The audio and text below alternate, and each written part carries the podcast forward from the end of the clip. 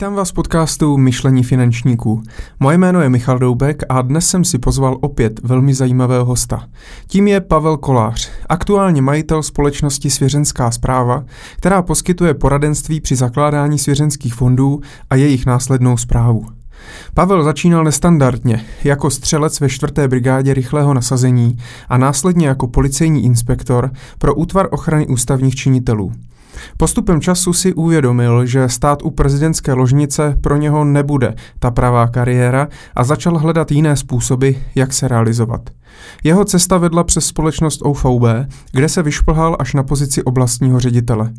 Po odchodu celého ředitelství v roce 2013 se rozhodl využít rekodifikace občanského zákonníku, který znovu oživil Institut svěřenského fondu.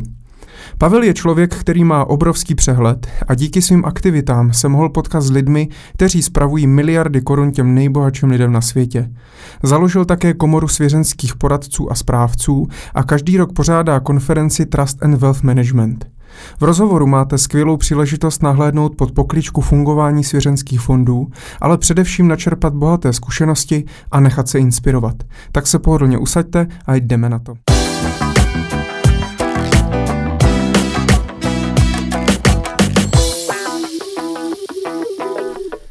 Pavle, dobrý den, já vás tady vítám u nás ve studiu a jsem moc rád, že jste přijal pozvání do našeho pořadu Myšlení finančníků.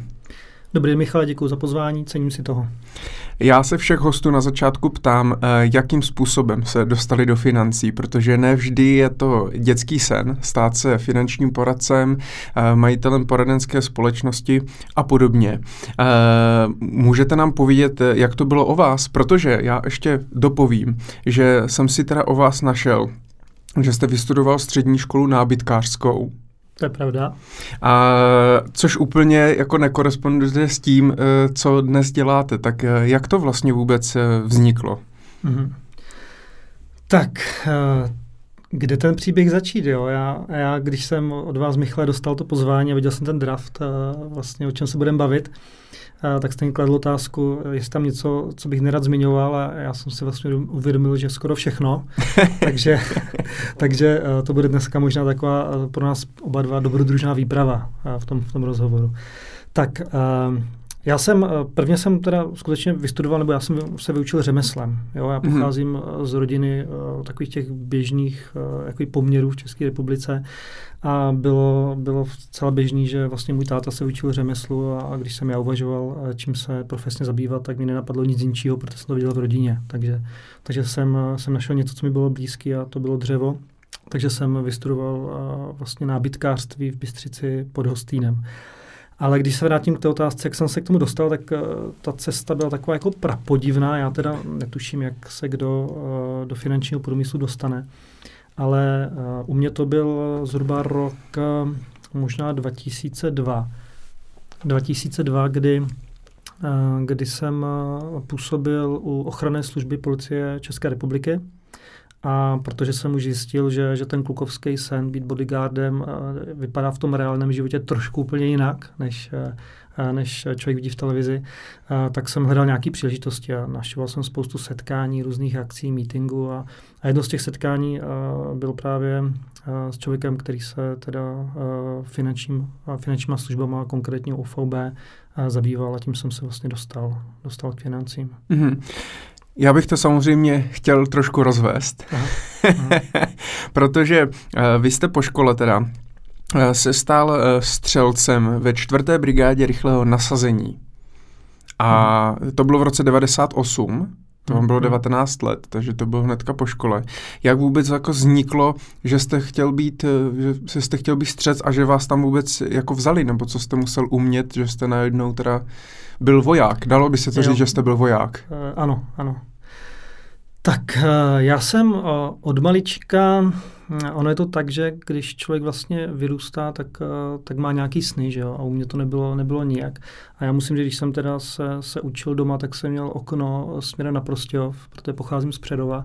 A vždycky jsem viděl, že ve čtvrtek a v pátek tam skákali výsadkáři a já jsem viděl z okna, z okna vždycky ty výsadky a říkal jsem si, tak to by se mi, to by se mi líbilo. Takže, takže jsem si vybudoval takový klukovský sen, eh, který u mě nějakým způsobem zakotvil a a já jsem strašně toužil potom se vlastně něčemu takovému věnovat a vyplývá to z nějaké mojí dobrodružné povahy, kterou v sobě mám prostě nějakým způsobem zakořeněnou a to jsem si říkal, že, že bych rád zkusil, takže takže snažil jsem se všemi možnými prostředky i proti vůli rodičů teda dosáhnout toho, jak se dostat, dostat k výsadkářům.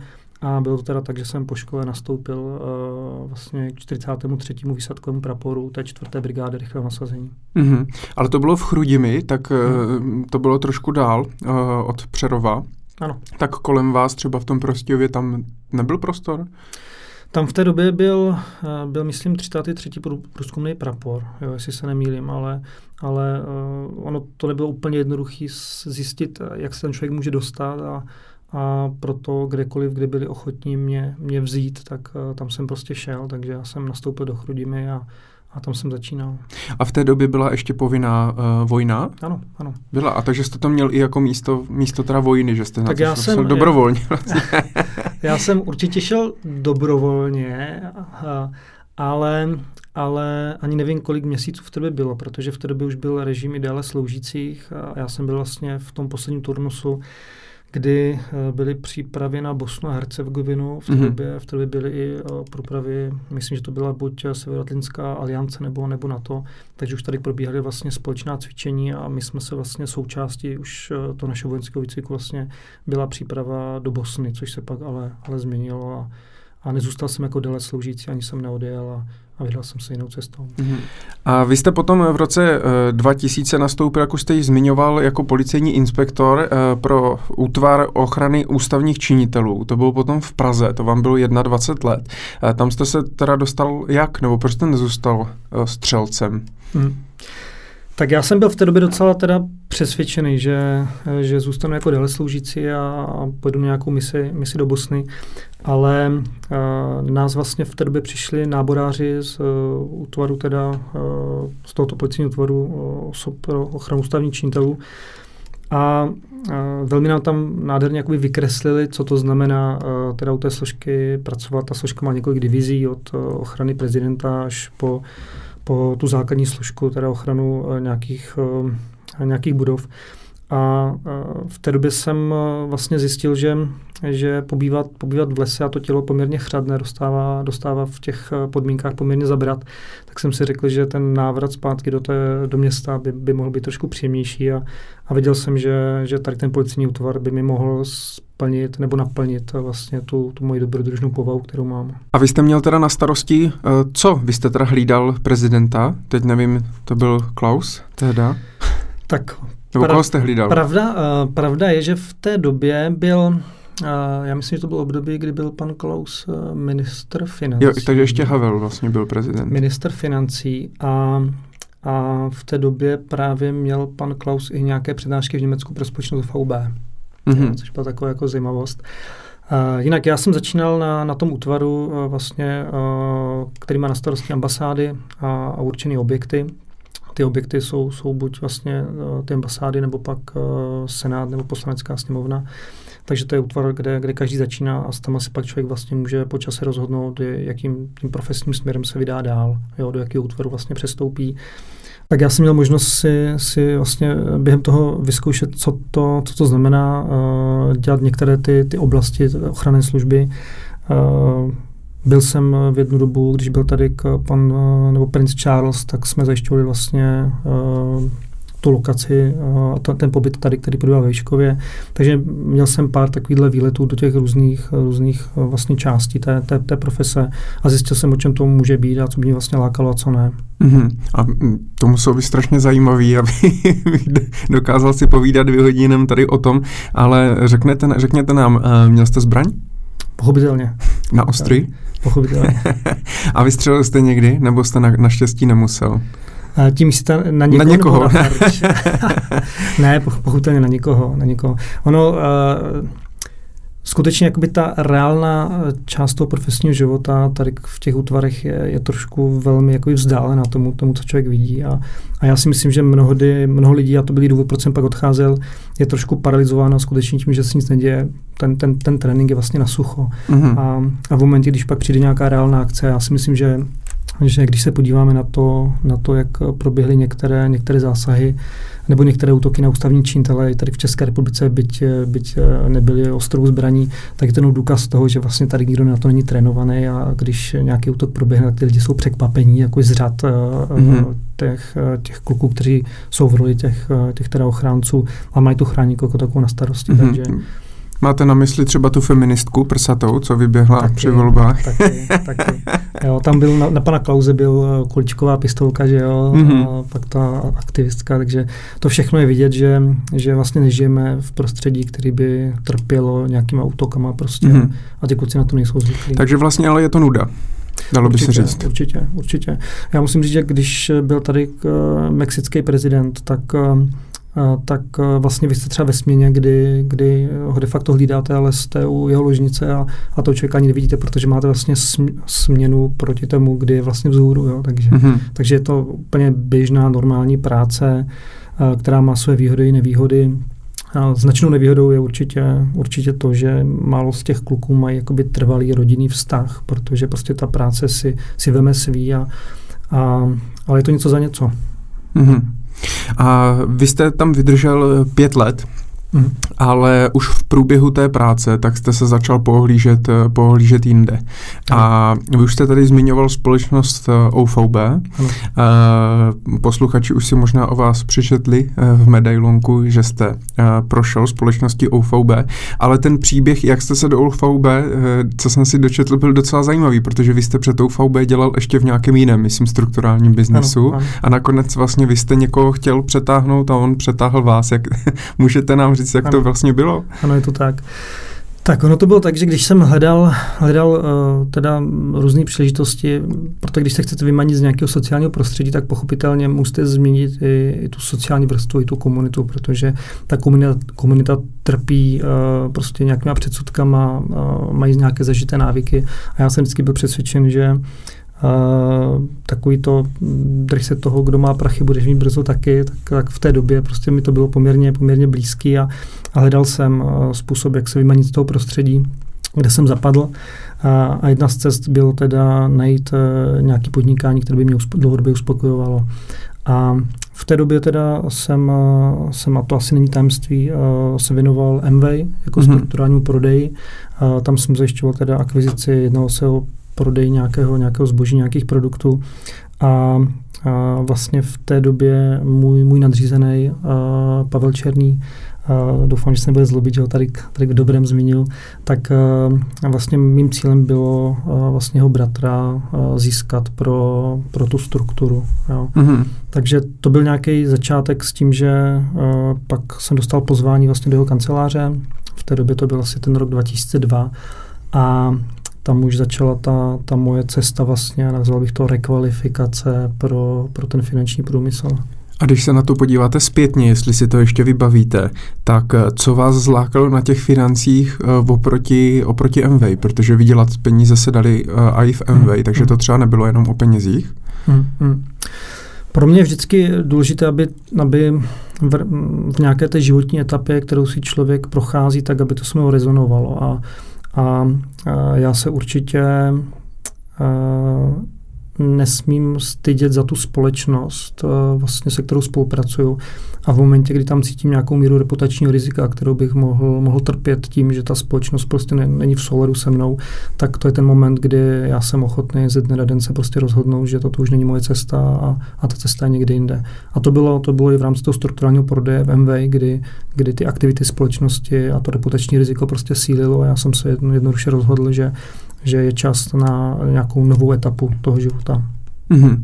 A vy jste teda v roce 2002 uh, eh, šel se vzdělávat teda do UVB, ano. můžeme to tak datovat, ale živnostňák jste si založil až 16. dubna 2003, takže uh, už jsem tady nějaké hosty měl, kteří si prošli UVB, někteří posluchači nám psali zprávu, že si zvu jenom lidi, kteří prošli společností UVB, ale ono většina lidí z finančního Já světa prošla společností UVB. Uh, ale takže jste si prošel teprve nějakým vzděláváním nebo něčím, než jste se teda rozhodl, že si založíte živnostenské oprávnění. A vy jste u toho vlastně ještě stejně eh, dělal potom následně dva roky toho policejního inspektora. Jak to šlo vlastně dohromady, nebo jak, jak to tam tak, bylo? Ono to bylo tak, že v té době tehdejší policejní zákon umožňoval, aby aby uh, policisti měli jakoby souvisící uh, jakoukoliv podnikatelskou činnost, která generuje nějaké příjmy. A následně byl přijat zákon, který který teda zakazoval, jo, že policisti už nesmí podnikat. Mm-hmm. A to byl ten moment, kdy já jsem se musel rozhodnout, teda jestli uh, dál se budu věnovat ozbrojeným složkám a, a nějaké této činnosti, anebo jestli se teda rozhodnu uh, věnovat podnikání související s financema konkrétně OVB. Takže ta volba byla zase, zase jednoduchá. Já musím říct, že jsem to rozhodnutí dělal ze dne na den, což překvapilo i moje nadřízené, a, protože jsem tam měl nějaké vztahy a, a, a, a prostě ten, ten odchod byl skutečně jako ze dne na den. Mm-hmm. A uh, vaše aktuální manželka, tak už tehdy uh, jste byli spolu? Ne, ne, určitě ne. Určitě Nebyli. A měl jste tehdy přítelkyni nějakou? Ano, ano. Co na to říkala? Ano. Tak, Protože ne všechny ženy dobře nesou, že jejich partner začne pracovat v OVB. tak já, já na tu dobu vzpomínám strašně rád, jo, takže, takže to, to byla doba, kdy byla to prostě nějaká fáze toho ekonomického cyklu, toho oboru, toho trhu, který sebou přinášel nějaký profit, nějaký benefity. Takže pro mě to byla taková jakoby příjemná doba euforie, do kterou jsem teda zaangažoval i to svou tehdejší partnerku, mm-hmm. která byla taky tím trhem a biznisem jako takovým pohlcená v zásadě a podnikali jsme v tom společně, ale... Ale teď uh, už spolu nejste. Tak, tak ty, ty cesty se určitě jakoby rozdělily a, a jak si jedním z těch důvodů byla ta daň, kterou si podnikání nese a to je, to je ten čas prostě a věnování se tomu. Mm-hmm. A vy jste teda začínal v roce 2003 jako standardní teda běžný poradce nebo zprostředkovatel ano. finančních produktů a vy jste to ale až vlastně po celou dobu té kariéry jste to dotáhl až na oblastního ředitele, mm. což vlastně není úplně, úplně nízko a vy jste vždycky věděl, že chcete být manažerem nebo že chcete mít lidi pod sebou? Tak, uh, jak na to odpovědět? Uh, já si myslím, že já dneska sebe spíš vnímám jako, jako typického business developera, než, eh, než někoho, kdo poskytuje jakoby operativně ten zákaznický servis. Jo, a to je něco, něco, co se ve mně vyvinulo. To znamená, že já jsem strašně rád, že jsem si prošel tou, tou obchodní částí, protože dneska ten trh finančních služeb je v situaci, kdyby se ty služby neměly prodávat ale v době, kdy my jsme vlastně v FOB začínali, tak ten trh byl postavený skutečně jako i na prodej finančních produktů, na jejich zprostředkovávání, a, což dneska ten pohled toho trhu je trošku jinčí. Takže já jsem si prošel uh, úplně vším, od, od malých týmů až do fáze, kdy jsem měl uh, vlastně napříč republikou nějakých šest poboček, které jsem vlastně uh, v jeden moment uh, řídil, a což si žádalo víceúrovňový management, uh, že už si to vlastně žádalo žádalo uh, jakoby kvalifikovanější řízení těch jednotlivých lidí, kteří měli ty pobočky na starosti.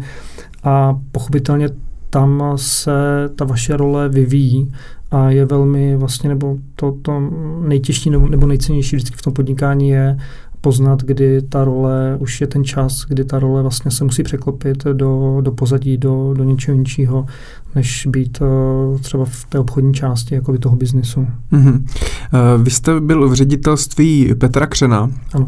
My jsme tady měli už hosta, eh, našeho prvního hosta Mojmíra Urbánka, který byl hmm. ve stejném ředitelství. Vy jste se neznali tehdy, nebo, nebo už jo? Už jste no. se znali. No.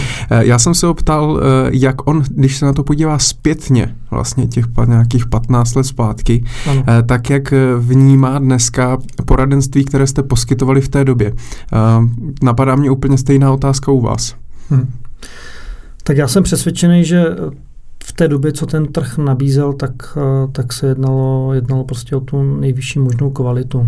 Jo, ono, je to otázka interpretace, můžeme se bavit vlastně o tom, kde dneska ten trh je, jak vypadá dneska vlastně to reálné poskytování těch finančních služeb, ale, ale v té době to, co bylo v České republice dostupné, jaký druh informací a to, jakou seriózní a kultivovanou formou ty služby nabízely, tak si myslím, že, že v té době to velmi se mnou souznělo a, a já jsem se nikdy nestyděl za tu práci, kterou, kterou dělám. Byl jsem na ní, na ní značnou část toho svého života hrdý, ale v nějakém momentě uh, podnikání UFOB jsem se spíš začal stydět o tu společnost, ne, ne o to, co dělám já. Mm-hmm. Já když se tady dívám na to datum roku 2003, tak mi ještě napadá, že vlastně ke konci roku 2003 tak eh, se eh, měnil, měnil, měnily podmínky u stavebního spoření.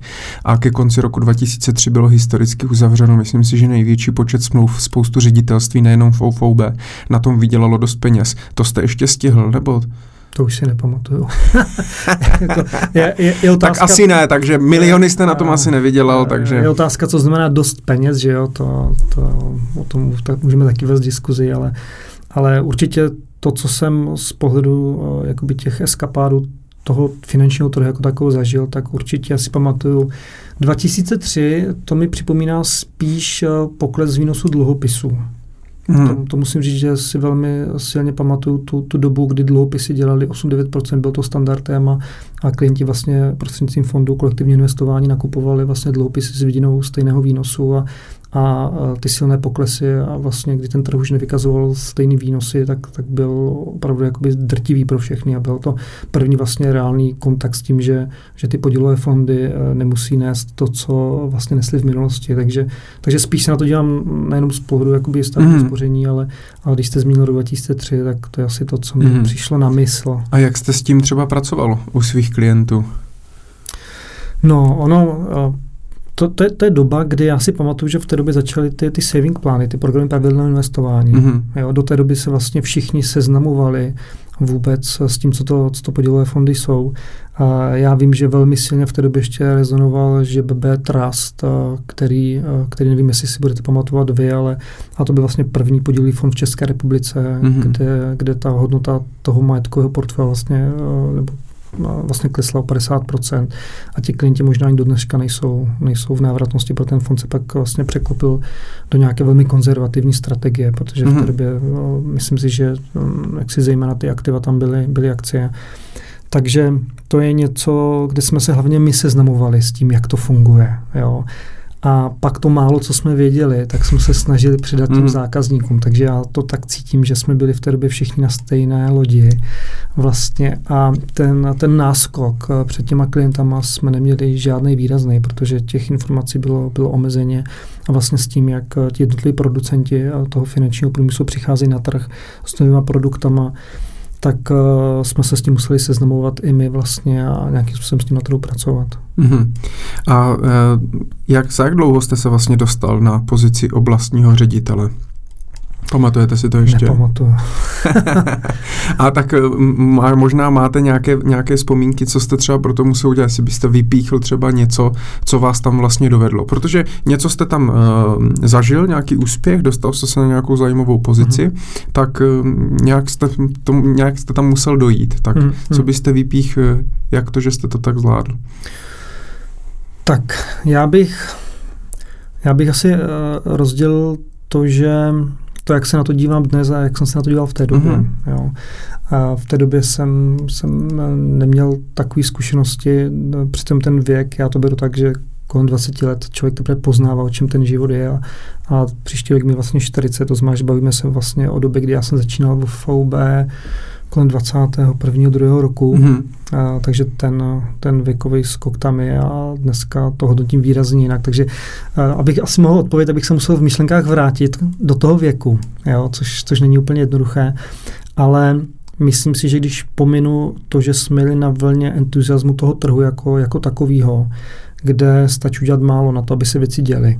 Jo, dneska ten trh, kdy je ve znamení velmi silné regulace, dochází k velmi uh, zásadním jakoby změnám názoru na to, co, co to je finanční poradenství, co to je distribuce, zprostředkování a tak dále, tak v té době se vlastně nic takového neřešilo a, a my jsme skutečně jeli na nějaké vlně entuziasmu, nadšení, s tím nějaká míra vlastní motivace a vlastně a ambicí, která nás dovedla k nějakým metám, které jsme si sami stanovovali. Takže to byla taková jakoby, velmi příjemná doba, doba euforie, a nedocházelo tak významnou jako k kultivaci toho finančního trhu, který my dneska zažíváme a který chtě nechtě sebou přináší nějaká negativa, ale směrem k těm koncovým spotřebitelům je jasná pozitiva ve smyslu nějakých záruk, garancí a postihů směrem k těm zprostředkovatelům. Mm-hmm. A když se na to podíváte teda z dnešního pohledu? Tak, uh, co mi tam teda přivedlo? Mm. Tak já myslím, že určitá ambice. A druhá věc je to, že já jsem si z ozbrojených složek, konkrétně z té čtvrté brigády, odnesl nějaký specifický druh návyků, kterým vás snad vybaví jenom ozbrojené složky. A to je mm, disciplína, nějaké sebezapření, jasný řád, prostě stejný, stejná snaha vlastně plnit bojové úkoly, tak stejnou strategii si můžete dávat i v podnikání, ono se to nijak nemění a, a když se dneska podívám na ty kolegy, který jsem vlastně poznal v ozbrojených složkách, ať, ať v těch vojenských nebo v těch policejních, tak dneska jsou to třeba lidi v managementu, kteří mají vysoké posty a, a myslím si, že přesně ty návyky, které si mm-hmm. vybudovali, vybudovali v těch ozbrojených složkách, tak jim pomohly chtě nechtě v tom podnikání nebo v tom, v tom profesním životě, jakby v tom běžným společenským. Mm-hmm. Uh, vy jste tady zmiňoval už 2003-2004 pokles výnosu u dluhopisů, nějaká komunikace s klienty, pokles na trzích a podobně. Vy jste vlastně v roce 2007-2008, kdy vypukla finanční krize v USA, tak jste pořád byl ještě FOFOB. Měl jste asi poměrně dost klientů, měl jste asi poměrně ano. dost spolupracovníků. Ano. Eh, jak tady tohle vlastně jste nějakým způsobem dotklo se vás to třeba? Pamatujete hmm. si ještě, že jste musel něco řešit? Jak třeba i učit ty spolupracovníky, jak komunikovat s klienty? Vy jste musel s těmi klienty komunikovat. Hmm. Jaký hmm. to na vás vlastně mělo dopad z pohledu toho manažera? Tak a ono se to netýká jenom, jenom eh, vlastně té, té krizi likvidity, nebo ať ji nazveme jakkoliv. Těch, těch událostí v tom, v tom podnikání podobného typu je strašně moc a některé jsou větší, některé, některé jsou menší, takže, takže uh, můžeme se spíš bavit o tom celku vlastně, jak, jak přistupovat v případě těch kritických okamžiků mm-hmm. toho, toho podnikání. A těch tam nastalo spoustu. A v momentě, když uh, máte nějaké závazky vůči, vůči klientům a ty závazky můžou být min, minimálně jako toho morálního charakteru, a, a nejste schopni těch závazků dostat, tak uh, tam čelíte nejprve sami sobě, vlastně těm svým vnitřním hlasům, které máte a které, které uh, vlastně musíte odpovědět jedním a pak teprve těm, těm zákazníkům. Takže já si vzpomínám přesně na to, na to období, když jsme vlastně investovali uh, do Lehman Brothers, která mm. jako jediná banka vlastně uh, nebyla zachráněna uh, Amerikou a, a značnou část klientů jsme tam měli, tak si pamatuju opravdu na tu bezesnou noc, kdy a, Nejprve jsem hledal tu vnitřní sílu v sobě, vlastně najít tu odvahu uh, těm klientům zavolat. Pochopitelně uh, tu samou odvahu musíte mít, abyste to vysvětlili těm spolupracovníkům, uh, kterým jste představili nějaké investiční příležitosti, které vzali za vlastní, získali v nich důvěru, ty pak představovali svým klientům. Takže tady se jedná o důvěru směrem k těm obchodním partnerům, o tu důvěru směrem k těm zákazníkům. A jediná správná cesta je prostě najít tu odvahu a postavit se k tomu čelem a, a říct, jak se věci mají. Jo. Ale nakonec jste to zvládl, tak jste tady živ a zdrav, takže... tak, ale vzpomínám si skutečně na to, kdy jsme měli uh, starší manželský pár, uh, kde část uh, těch důchodových prostředků šla do těchto forem zajištěných dluhopisů Lehman Brother a tam si pamatuju, že jsem možná stál hodinu před uh, jejich dveřmi hmm. a, a než jsem našel tu dohodu zazvonit, protože jsem věděl, že tam prostě budeme sedět, budeme se o tom bavit, že, že značná část těch, těch jejich prostředků prostě už je možná nenávratně pryč. Ale podařilo se vám třeba u většiny přesvědčit, že je to prostě pouze e, krátkodobá, já nevím, korekce na trzích a ať pokračují v pravidelné investici, ať přiinvestují, protože jak se dneska říká, když je samozřejmě korekce na finančních trzích, mělo by se překupovat nebo vydržet v té pravidelné investici. Dneska se očekává, že 2019, 2020 možná přijde nějaká krize, hmm. možná ne. A možná si ji přivoláme sami, hmm. že, ji tak, že ji tak moc ano, chceme. Ano. A samozřejmě velmi jednoduchý je, když trhy padají, tak přikupujte. To je strašně jednoduchý takhle říct, ale jak to bylo vlastně ve skutečnosti, podařilo se vám to u některých nebo třeba i u většiny klientů? Tak já bych určitě rozlišil ty alternativní nebo atypické form investic, jako byly třeba ty, ty zajištění dluhopisy Lehman Brothers vůči, vůči běžnému kolektivnímu investování. Uh, takže to je výrazně něco jiného. Uh, já si právě myslím, že ta, ta otevřenost, se kterou vlastně jsme přistupovali k těm zákazníkům, byl důkazem toho, že, že to jsme myslíme vážně a že mají v případě, když se jedná o ty podílové fondy, tak mají v těch investicích se trvat, protože, protože ta, ta finanční matematika nebo cyklus těch trhů mluví sám za sebe a, a jakoby těch důkazních materiálů ve smyslu uh, historických výsledků a toho, jak se chovat uh, při investicích, tak, tak je dneska spoustu dispozici a, a to, nám, to nám pomáhalo. Ale myslím si, že základem byl ten uh, prostě jít z kůží na trh a, a říct, jaká, jaká je situace a spíš se snažit s nimi, s nimi diskutovat a, a pomoci jim v těch zvolených strategiích se trvat, protože, protože uh, tento typ investování vlastně je o nějakém systému finančního plánování, ano, o ne, ne o spekulacích. Mm-hmm. Ještě mě napadá, nezavolal vám třeba nějaký klient v posledních letech, kterého jste měl v té době, že jako s děkováním, že, jste, že vydržel díky tomu, protože teďka trhy vlastně deset let rostly, mm-hmm. takže pokud vytrval, tak na tom mohl poměrně dost vydělat, ale to už asi ne. To ne, ale máme, máme značnou část klientů, kteří na svoje i drobné investice pozapomněli, byť se jedná třeba o nějaké formy pravidelného ukládání a brali to jako nějaký systém penzijního jakoby spoření. A teďka jim ty smlouvy expirovaly a my jsme v rámci toho servisu třeba už uh, ukončili ten vztah s těma klientama a proto ti klienti uh, uviděli uh, naše jméno. Mm-hmm, na, těch, na těch plánech, tak nás, tak nás kontaktovali a bylo velmi milým překvapením, že, že ta disciplína Eh, která byla nevědomá u těch klientů, že prostě pozapomněli a brali to, takže mají nějaký trvalý příkaz někam, tak je přivedla k velmi zajímavému výnosu, který by určitě nedosáhli, kdyby k tomu přistupovali uh, prostě jinak spekulativně, snažili mm-hmm. by si typovat trhy nebo, nebo vnímat, uh, jestli ta, ta takzvaná krize přijde, ne, nepřijde. Takže... Ale myslíte si, že to je třeba dobrá strategie? Dát si trvalý příkaz a na 20 let zapomenout a pak se uvidí, co tam bude? Ano, Fajn a možná se ještě zeptám poslední eh, věc tady k tomuto. Ty zajištěné dluhopisy Lehman Brothers se to prodával kdo? Nebo kde, kde, kde se to vzalo, že vy jste to mohli nabízet klientům? Tak eh, v té době eh, do značné míry to, to zajišťovalo. Vím, že největší část klientů tam byly v té době ze strany banky. A, a v té době vlastně OFOB je mohlo distribuovat přes Pioneer Investments. Mm-hmm takže, takže to bylo jako v běžné nabídce, ale bylo to spíš pro nějaké afluentní zákazníky. My jsme měli nějaké striktní nároky na to, jaká část toho majetku z celkových aktiv, finančních eh, aktiv tam, tam může jít, což byla nějaká jakoby drobná část ale, ale díky tomu, že se jednou o afluentní klienty, tak ten objem majetku byl, byl poměrně velký. Mm-hmm.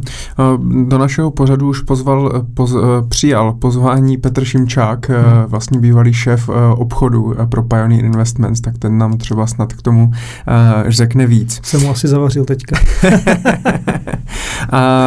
ale pojďme, pojďme od toho. Vy jste 17. února 2009, tak jste založil společnost Boxpoint. Hmm. Mě by jenom zajímalo, abych si to dal do kontextu, eh, co, co to mělo být za společnost, nebo jste si, proč, proč jste si to založil v té době? Jste, Michal, na mě strašně připravený. Jako. Mě by zajímalo, odkud ty informace taháte. Jo? Eh, já jsem eh, člověk, když podniká, máte nějaké finanční přebytky, tak z nějakého dneska pro mě neznámého důvodu člověk nabíde přesvědčení, že může podnikat v něčím jiným. Jo? Že že vlastně nad rámec eh, těch mých finančních produktů, který jsem měl, tak jsem vždycky cítil potřebu, že, že je potřeba diversifikovat ty, ty aktivity a já jsem eh, neustále, a ono to souvisí taky s tou mojí dobrodružnou povahou, povahou, hledal eh, nějaké jakoby alternativní způsoby, kde, kde ty peníze jednoduše můžou smysluplně investovat. A to slovo smysluplně tady potrhuju třikrát, což se nevždycky podařilo a, a společnost Boxpoint je jedna z nich. Mm-hmm. Jo, takže takže uh, já jsem jednoduše zjistil, to byl rok, rok 2009, uh, eh, těsně, že uh, v zahraničí firmy, které poskytují zaměstnanecké benefity, tak, tak je to zajímavý trh, který do určité míry souvisí s finančními službami. V té době vlastně v oblasti zaměstnaneckých benefitů bylo, bylo zákonem vlastně nějakým způsobem podporováno penzijní připojištění a životní pojištění. Takže mi dávalo smysl investovat do společnosti, vlastně do online platformy Benefit Card, která bude poskytovat zaměstnancům vlastně benefity nejenom toho finančního charakteru a stravenky, ale i jinší druhy benefitů. Takže mm-hmm. byla to jedna vlastně z investic, pro kterou jsem se rozhodl v průběhu toho svého, svého podnikatelského života. Mm-hmm. A co se na tom nepovedlo teda nakonec? Uh, no, uh, to je vždycky otázka, která přijde jako první na stůl, že jo? Když, když chodí faktury a díváte se na, na ty účty v těch firmách, uh, tak uh, tam to bylo jednoznačné. My jsme se uh, proto pro ten projekt rozhodli, ale neuvědomovali jsme si širší souvislost eh, právě s eh, tou finanční krizí. A první věc, která nastala hmm. v oblasti zaměstnaneckých benefitů, bylo to, že, že v všechny firmy, hmm. přesně tak, skrouhly zaměstnanecké benefity, takže my jsme zůstali v situaci, kdy jsme měli vlastně téměř 400 partnerů napříč Českou republikou, my jsme velmi silně zainvestováno do systému, měli jsme zaměstnance, ale nebyla poptávka. A to je nejhorší, co se vám může stát. A, tady z toho projektu si možná odnáším to, že je taky asi nejdůležitější, kdy na ten trh vstoupíte s tou službou a produktem, ale mnohem důležitější je, kdy vystoupíte.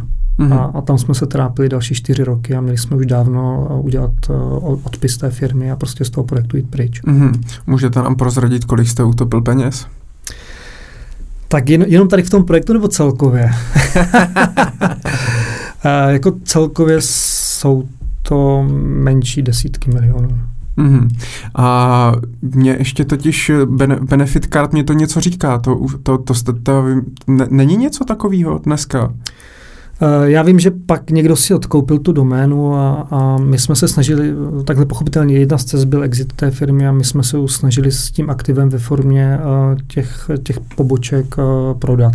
Mm-hmm. Což se nám nepodařilo, z toho si taky odnáším prostě poznatek ten, že, že těm firmám, které se na ty, na ty vlastně prodeje specializují, tak bez na to, kolik jim zaplatíte, tak vám to negarantuje úspěch uh, prodeje té, té firmy.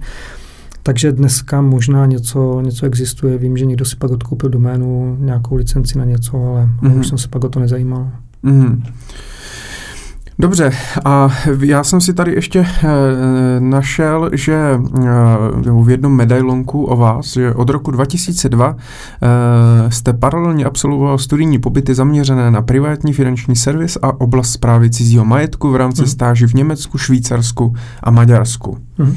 E, takže to bylo v průběhu toho OVB a e, co to bylo e, za stáže? Tak já uh, jsem měl možná jakoby to štěstí, že ten profesní život mi umožňoval i tak cestovat. A jednak jsem se snažil nezaostávat v tom, že jsem přesvědčen, že furt člověk musí být v tom podnikání obezřetný. Že nejhorší je taková ta, ta mentální paralýza, když si myslíte, že všechno funguje a necháváte to běžet, to je, to je ta cesta do pekel. Takže současně s tím jsem uh, hodně naštěvoval uh, různé konference, absolvoval jsem různé typy, ať lektorských, coachingových setkání a tak dále. A v rámci OVB eh, jsem měl to štěstí, že jsem mohl teda cestovat. Mm-hmm. Takže, takže všechno to, o čem se bavíte, tak bylo vlastně v té době díky působení OVB v Evropě. Takže veškeré vlastně moje, moje cesty, ať to bylo Německo, Švýcarsko nebo Maďarsko, tak tak byly vlastně cesty spojené s poznáváním tamnějšího trhu vlastně a, a s lidmi, kteří provozovali podnikání UFOB v těch daných státech. Mm-hmm. A bylo tam něco třeba zajímavého, něco, co byste jako vypíchl, že se vám tak, že vám tak utkvělo v paměti? Tak určitě to, že ve Španělsku, ve Španělsku bylo to určitě, myslím, že buď to bylo Švýcarsko nebo Rakousko, tak tak eh, ta negativní semantika, která v, uh, už pak vlastně šla se jménem uh, finančních služeb zprostředkovateli, tak tam neexistovala. Tam, když jsme vlastně říkali to, s čím se musíme prát a, a nejprve musíme vlastně na setkání vysvětlovat, proč s námi, proč my jsme tí jiní než ty ostatní, tak vlastně na těch trzích, trzích absolutně neznali. A neberu asi tu rozdílnost té kultury, protože když vezmeme ty uh, ty uh, horkokrevné Maďary, uh, kteří skutečně podnikají způsobem, který je nám strašně vzdálený, tak, tak pochopitelně ty kulturní rozdíly nebo přístup uh, k tomu je, je v těch státech cítit strašně silně. Mm-hmm. Jak podnikají Maďaři? Uh, horkokrevně. co to znamená? že cokoliv, cokoliv, co si dokážete představit, v té době byly poměrně uh, známé uh, jakoby, uh, ve finančních nebo poradenských společnostech, eh, konference, kde se hodně tleská, kde se hodně mm. násá, nebo bujaré večírky, tak cokoliv si dokážete Michle představit, tak desetkrát znásobte a to je to, jak... Jak Takže to Maďaři to přinesli sem. Takže to, to určitě v Maďarsku, no. A, ale v zahraničí jste nikdy eh, nepodnikal, nebo že byste ne. se rozhodl třeba během těch stáží a podobně, tady se mně líbí, rozjedem něco tady, expandujem něco tady, hmm. tak to ne.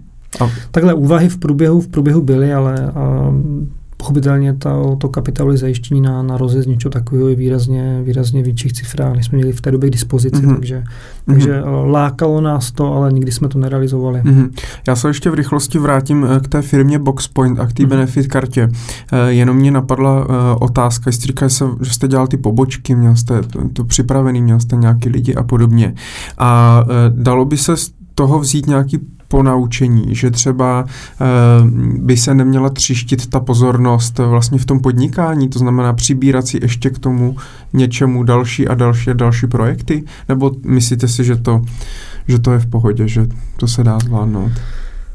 Já si myslím, že tady je to otázka, otázka té osobnosti.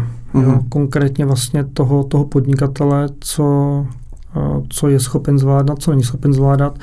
Já jsem vždycky zastáncem toho, že že člověk by si měl ponechat nějakou míru svobody eh, v tom, že i k tomu, co mu přináší nějaké ekonomické zajištění, tak, eh, tak se mu musí věnovat něčemu, co ho jakoby vnitřně uspokojuje. A byť to nemusí nějaký, nějaký profit. A když vezmeme běžní lidi, tak běžní lidi mají své koníčky. Ono se říká, že ten, kdo má vlastně nějaký profit z té činnosti, tak je podnikatel, ten, kdo má spoustu koníčků, tak je podnikavec. Mm-hmm. Jo, že vlastně ta míra energie, aktivity, kterou do těch činností vkládáte, je naprosto totožná, akorát v jednom případě je z toho nějaký finanční profit a v druhém, v druhém ne. Takže já sebe vždycky vnímám jako někoho, kdo se neuzamykal na jednu, jedno kvítí na té nádherné louce, mm-hmm. plné různých barev a vůní a chutí, a vždycky jsem to vnímal, takže jsem otevřený těm, těm příležitostem, snažil jsem se ten, číst, ten trh číst nějakým způsobem a když nějaká myšlenka nebo příležitost přišla, já jsem si vyhodnotil, že, že mi dává smysl uh, prostě se tomu věnovat a ten, ten čas tam investovat i peníze, tak, uh, tak uh, jsem s tím neměl nikdy problém. Takže nejsem zastáncem toho, že by, že by člověk se měl věnovat jenom jedné činnosti, pokud to prostě zvládá, eh, nebo jedná se o nějaký souvisící mm-hmm. služby ve smyslu jakoby crossingu a jsou přidružený a neznamená to významný odklon od té profese jako takové, ale spíše je to nějaký doplněk, což třeba v té době jsme Benefit Card vnímali jako doplněk služeb tak, eh, tak proč ne? Mm-hmm. Vy jste v OFOB podnikal vlastně 10 let, dalo by mm-hmm. se říct, od roku 2003 do roku 2013, kdy vlastně po odchodu celého ředitelství eh, Petra Křena, tak se pravděpodobně asi většina těch manažerských skupin se rozpustila a ano. šli dělat něco jiného. Než se ještě dostaneme k tomu konci působení OFOB, mě by jenom zajímalo, v jakém tom období teda těch deseti let jste byl vlastně nejúspěšnější to znamená, měl jste, dalo by se nejvíc lidí, nejvíc peněz, prostě nejvíc vám tleskali. Eh, no, to je otázka to, co tím měřítkem, jo, a to... Um, tak když se vrátíte zpětně, tak uh, zkuste... Pochopitelně asi největší vnitřní euforii zažíváte v momentě, kdy, kdy to roste. Mm-hmm. Ale ale uh, já jsem si asi sám sobě nejvíc tleskal v těch krizových momentech toho podnikání, kdy jste tam sám, protože na ten vrchol vás, vás vytáhne nějaká vaše vnitřní chemie, uh, nějaké odříkání, prostě platíte nějakou daň uh, za to, že, že to podnikání prostě budujete mimo pracovní dobu, protože já dneska po těch několika těch firmách, kde jsem se věnoval, nebo kde jsem působil s nějakým majetkovým podílem, tak, tak vím, že ta skutečná firma se nebuduje v té pracovní době. Vždycky otázka, co vy děláte, když ostatní zamknou ty kanceláře zasnou, tak ty mm. skuteční firmy uh, rostou v tom období a to pochopitelně uh, si přináší nějakou, nějakou daň, kterou prostě buď jste ochoten akceptovat, uh, jakoby, nebo, nebo ne. Takže já sám sobě jsem si nejvíc pleskal v těch nejvíce krizových okamžicích, kdy kdy to podnikání nefunguje, jak byste chtěl, vlastně čelíte tomu sám, vy sám, to, co vás dostalo na vrchol, tak už neexistuje a vy na tom vrcholu jste sám a jediný, kdo si, kdo si vlastně pomůže a vám na ty otázky odpoví, to jste vy sám. Jo. Mm-hmm. Takže já bych to rozdělil takový ten veřejný úspěch, který se dostavuje dostavuje v těch momentech, kdy, kdy rostete, ale pak ten vnitřní úspěch vlastně ten nikdo nevidí a, a ten si dáváte vy sami, pro mě dneska i důležitější než ten úspěch veřejný. Mm-hmm. A kolik jste měl spolupracovníků v době teda vaší největší slávy? Já jsem si vždycky pohyboval tak do 100 lidí. Mm-hmm. A všichni pracovali, všichni byli aktivní. Tak já, já musím, že jsme naštěstí měli poměrně jakoby zdravou firmní kulturu a, spíše ten, ten počet těch poboček měl vždycky do deseti lidí, tak aby, tak aby byla zachována ta, ta maximální míra jakoby komunikace s těma, s těma lidma a hlavně, aby ty lidi se mohli věnovat. Takže určitě jsem v té době neměl ten business model strukturální v rámci UFOBy postavený na, na obrovských počtech spolupracovníků, mm-hmm. ale šli jsme spíše cestou nějakého jakoby precizního přístupu těch vedoucích pracovníků, a tak to je, no. Mm-hmm. A tehdy teda jste ale fungovali pouze na provizní bázi, to znamená, ano. měli jste provize za prodej finančních produktů. Eh, byly tam třeba z nějaké strany už v té době, třeba ještě před krizí, eh, nějaké vlaštovky, že by někdo z týmu nebo třeba vy sám eh, byste si začali brát peníze přímo od klientů, třeba za poradenství nebo za rady? Já myslím, že ani ne, protože v té době uh, jednak uh, ten trh a ti klienti eh, nebyli k tomu vychování a nebylo tolik, tolik inspirace ze zahraničí nebo, nebo nějaký silný zahraniční vlivy, které by nám řekli to, že jsou trhy, na kterých se to prostě dělá jinak. Takže ani ne. Mm-hmm. Tak pojďme teda ke konci vašeho působení OVB.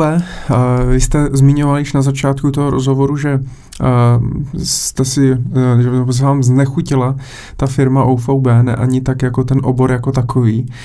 Tak co se tam všechno dělo? Já samozřejmě se pokusím pozvat i Petra Křena a mm. zeptat se na to z jeho pohledu, protože ten byl v podstatě nejvýš. Mm. Ale z vašeho pohledu, co se tam stalo, co se dělo, proč jste nakonec odešli, nebo proč se to ředitelství rozpadlo? Co, co, co tam byl za problém? Tak uh, já jsem to nazval tak, že uh, nikdy jsem se nestyděl teda za tu svoji činnost, ale začal jsem se stydět za tu společnost. Mm-hmm. Protože uh, když to opravdu zjednoduším, tak v momentě, kdy uh, některé organizace, které, se kterými jsme neměli v rámci podnikání společného, ale mají jasné znaky z mého pohledu trestné činnosti, jo, fungují až organizovaným způsobem, tak a my jsme na to v té době vlastně centrálu upozorňovali. A, ty zájmy akcionářů a ekonomické zájmy společnosti jsou důležitější než zájmy klientů a, a vás, tak to je prostě konflikt. No. A opravdu jako vnitřní problém, problém ten, že to jsou ty momenty, kdy, kdy já jsem eh, schopen prostě ze dne na den se rozhodnout, že takhle už to dál nejde a to jsem udělal. Takže byl vlastně problém teda s jinými strukturami v rámci, ano. v rámci OVB a to, to bylo i jako to vadilo i panu Křenovi. Tak to musí, na to musí odpovědět on. Jo. Ale uh, uh, já určitě, my jsme velmi silně nesli reputační riziko mm-hmm. uh, jiných organizací, kteří v rámci OVB působili. A jednu dobu, když jsem působil uh, vlastně v marketingové radě, a tak jsme se snažili velmi silně upozorňovat uh, vedení centrály a skutečně, když ty věci byly zametány, zametány pod koberec a nebyly řešeny, tak, uh, tak to má velmi silný zásah do vašeho podnikání. A v momentě, kdy to musíte řešit ve vašich organizacích, že lidi tím trpí vlastně a je na ně poukazováno negativně a obecně ten trh získává tu negativní semantiku, která se vás dotýká a má, má vliv na provoz vašeho podnikání. A jak jsem říkal, nejprve ty jednání s klienty probíhají formou obhajby, proč vy ne, proč vy jste ten jiný, tak eh, to je něco, co ve vás prostě zraje hmm. nějakou dobu a přijde nějaký moment, kdy si prostě řeknete, že, že to podnikání prostě vám nepřináší to štěstí, které, hmm. které byste chtěl a bez ohledu na to, kolik peněz by vám to mohlo přinést a přináší, tak musíte udělat nějaké rozhodnutí a, a já jsem byl tomu rozhodnutí vystavený, protože jsem zjistil, že spoustu věcí, které nám byly, byly ze strany centrály tvrzeny, jsou, jsou výrazně jinak, než je ta realita. A byl to velmi tvrdý uh, střed i, i u mě samotného, takže já jsem to nejprve musel sám zpracovat. A pak máte dvě možnosti. Pak jedna z možností je, že pojedete nějakou dobu v tom podnikání do doby, kdy vám to ponese nějaký výnos, než to nějakým způsobem vymizí. A, nebo prostě předstoupíte před uh, ty své obchodní partnery a řeknete jim tu, tu realitu všedního dne, to, to, co jste si mysleli, co je prostě jinak a musíte i se připravit na to, že když jim řeknete, že jste byl toho součástí, vlastně s tím to tvrdil nevědomky taky, mm-hmm. tak uh, že vás vypískají a že prostě řeknou, hele, tak uh, prostě s tebou už dál ten biznis dělat nebudeme. Mm-hmm. A spoustu firm to řešilo tak, že třeba jednotlivé ředitelství se přejmenovali, nebo přejmenovali, začali používat svůj nějaký brand firmní mm-hmm. a nepředstavovali se jako poradci OVB. Uh, to u vás, to u vás nebylo vůbec? Takhle já jsem, eh, nějaké snahy o to byly, jo, ale eh, byla to spíš nějaká jakoby transformace do nějaké budoucí podoby, ale já jsem měl konflikt eh, prostě vysloveně s tím řízením, s tím, co ta společnost představuje, jaký má znaky a, kam vlastně směřuje a, a pro mě tam už dál nebyla cesta. Mm-hmm. A Petr Křen teda byl odejít nakonec. Ano. Mm-hmm. A jaký to vlastně teda mělo vliv na vás? On pak, eh, protože asi se to teda dozvěděl on, a pak teda přišel za, za, za svými řediteli a řekli kluci, hele, končíme.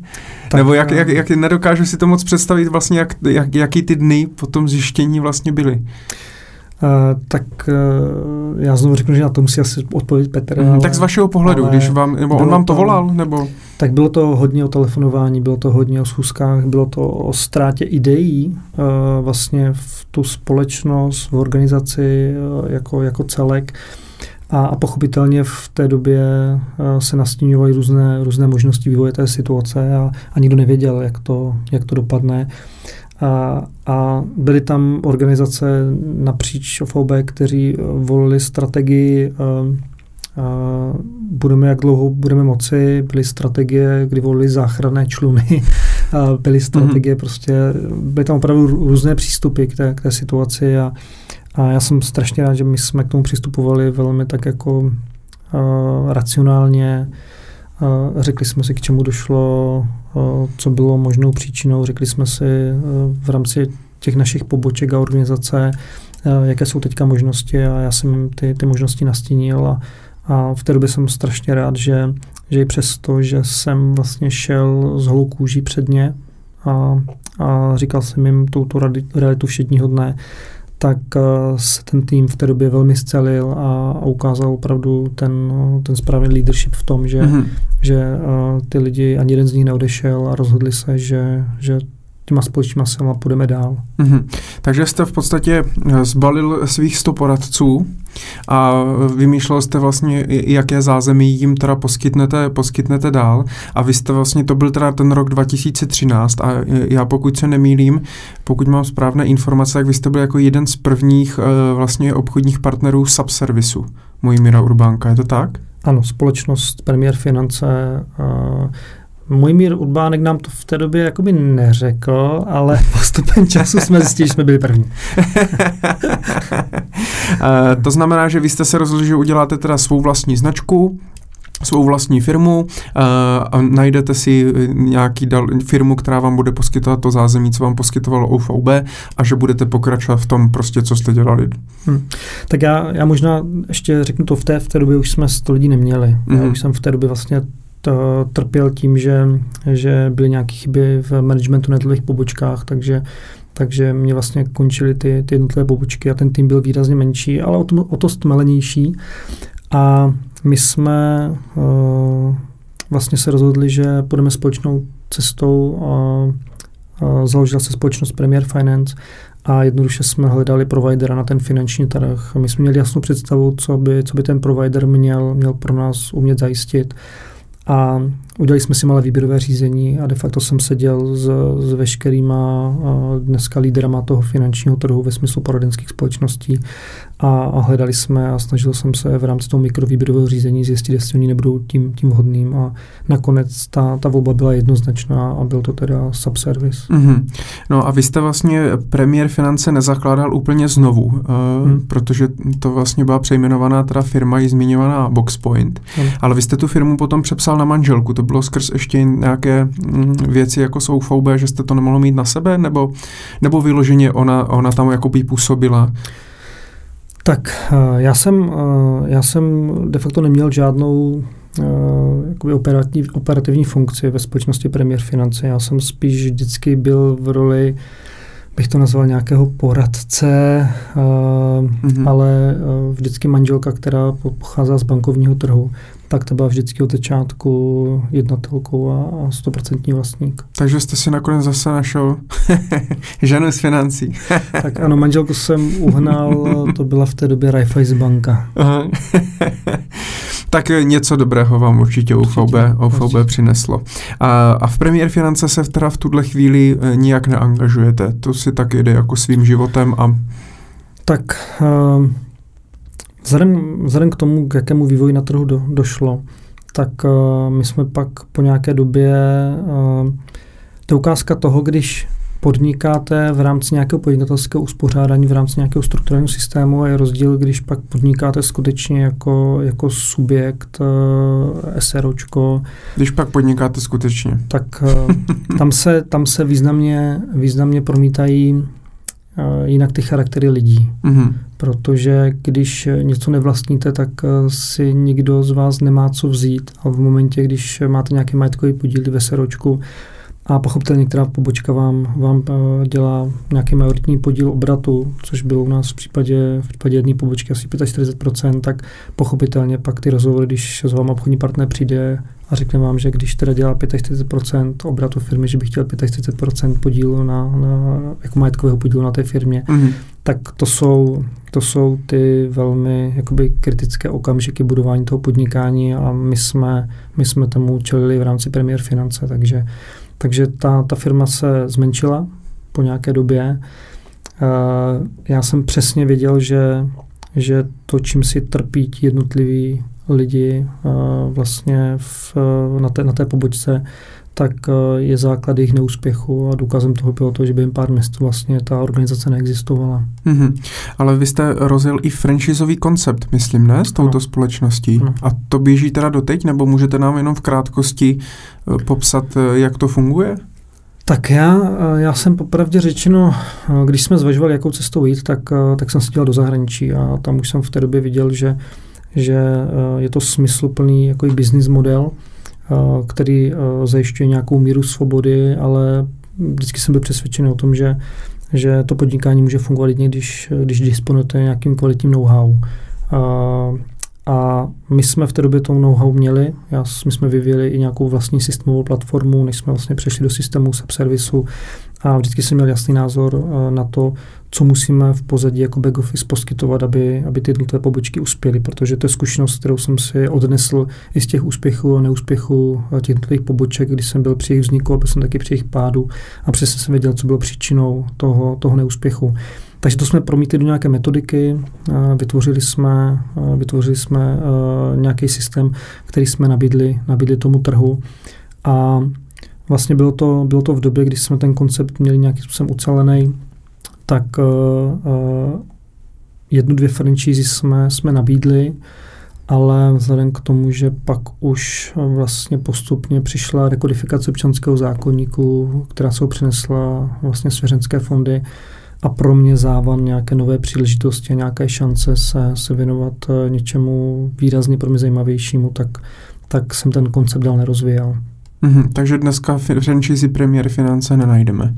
Ne, ne, jako takový ne. Ta, ta společnost dneska působí, drží nějaké klientské kmeny, zajišťuje nějaký, nějaký servis prostřednictvím uh, několika ti lidí. Teďka jsme spíš vystaveni otázce, otázce co, co dál, jestli půjdeme cestou nějakých jakoby servisních asistentů, kteří budou zaměstnáni, aby, aby plnili tu funkci vlastně poskytování toho kvalitního servisu. Takže spíš uh, čelíme to otázce, uh, jak nepřijít do to aktivum, které jsme v podobě, v podobě těch klientských kmenů vytvořili a spíše poskytovat servis, který bude smysluplný, bude přinášet nějakou hodnotu a v nějaké rozumné kvalitě. Partnerem této epizody je Infineo, přelomová aplikace pro finanční poradce, která usnadňuje a zefektivňuje každodenní práci s klienty. V aplikaci Infineo máte jednoduše na jednom místě adresář svých klientů, komplexní analýzy pro tvorbu finančních plánů, nespočet kalkulátorů i možnost tisku do prezentace nabídky pro klienty.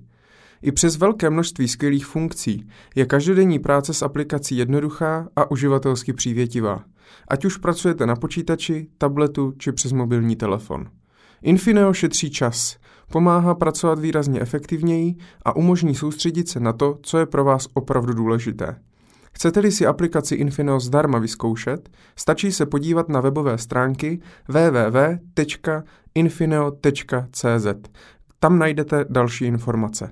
A já děkuji tvůrcům Infinea za podporu při tvorbě této epizody jdeme ke svěřeckým fondům. Chci tam mít radost, že tuto část své minulosti máme za sebou. No jsem docela spocený teda. uh, vy jste zmiňoval teda rekodifikaci občanského zákonníku. Uh-huh. Od 1. 1. 2014 vlastně uh, vešel v platnost nový občanský zákonník po, já nevím kolika, 60 letech. A ten sebou právě přinesl oživení uh, svěřen, institutu vlastně ano. svěřenských uh, fondů. Uh, kde jste to vlastně zjistil, tady tuhle věc? Livě sledoval uh, to, to dění a když jsem viděl, že pan Eliáš vlastně připravuje v rámci té rekodifikace občanského zákonníku eh, vstup svěřenských fondů nebo jejich návrat do, do toho českého právního řádu, tak jsem trošku zajásal a zbystřil jsem a sledovali jsme vlastně, uh, jakou podobou to bude pojato v České republice, jestli nakonec budou, budou teda, teda zakotveny v tom občanském zákonníku. A jak to vlastně, co jste si teda řekl v té době? Dobře, svěřenské fondy, to by mě zajímalo, to bude zajímavé. Co teď? Co, udělal jste si nějaký akční plán mm-hmm. toho, co je potřeba zjistit a tak dále? Tak eh, ten postup je úplně stejný, jako když eh, budujete jakoukoliv jinou společnost eh, nebo hledáte nějakou příležitost na trhu.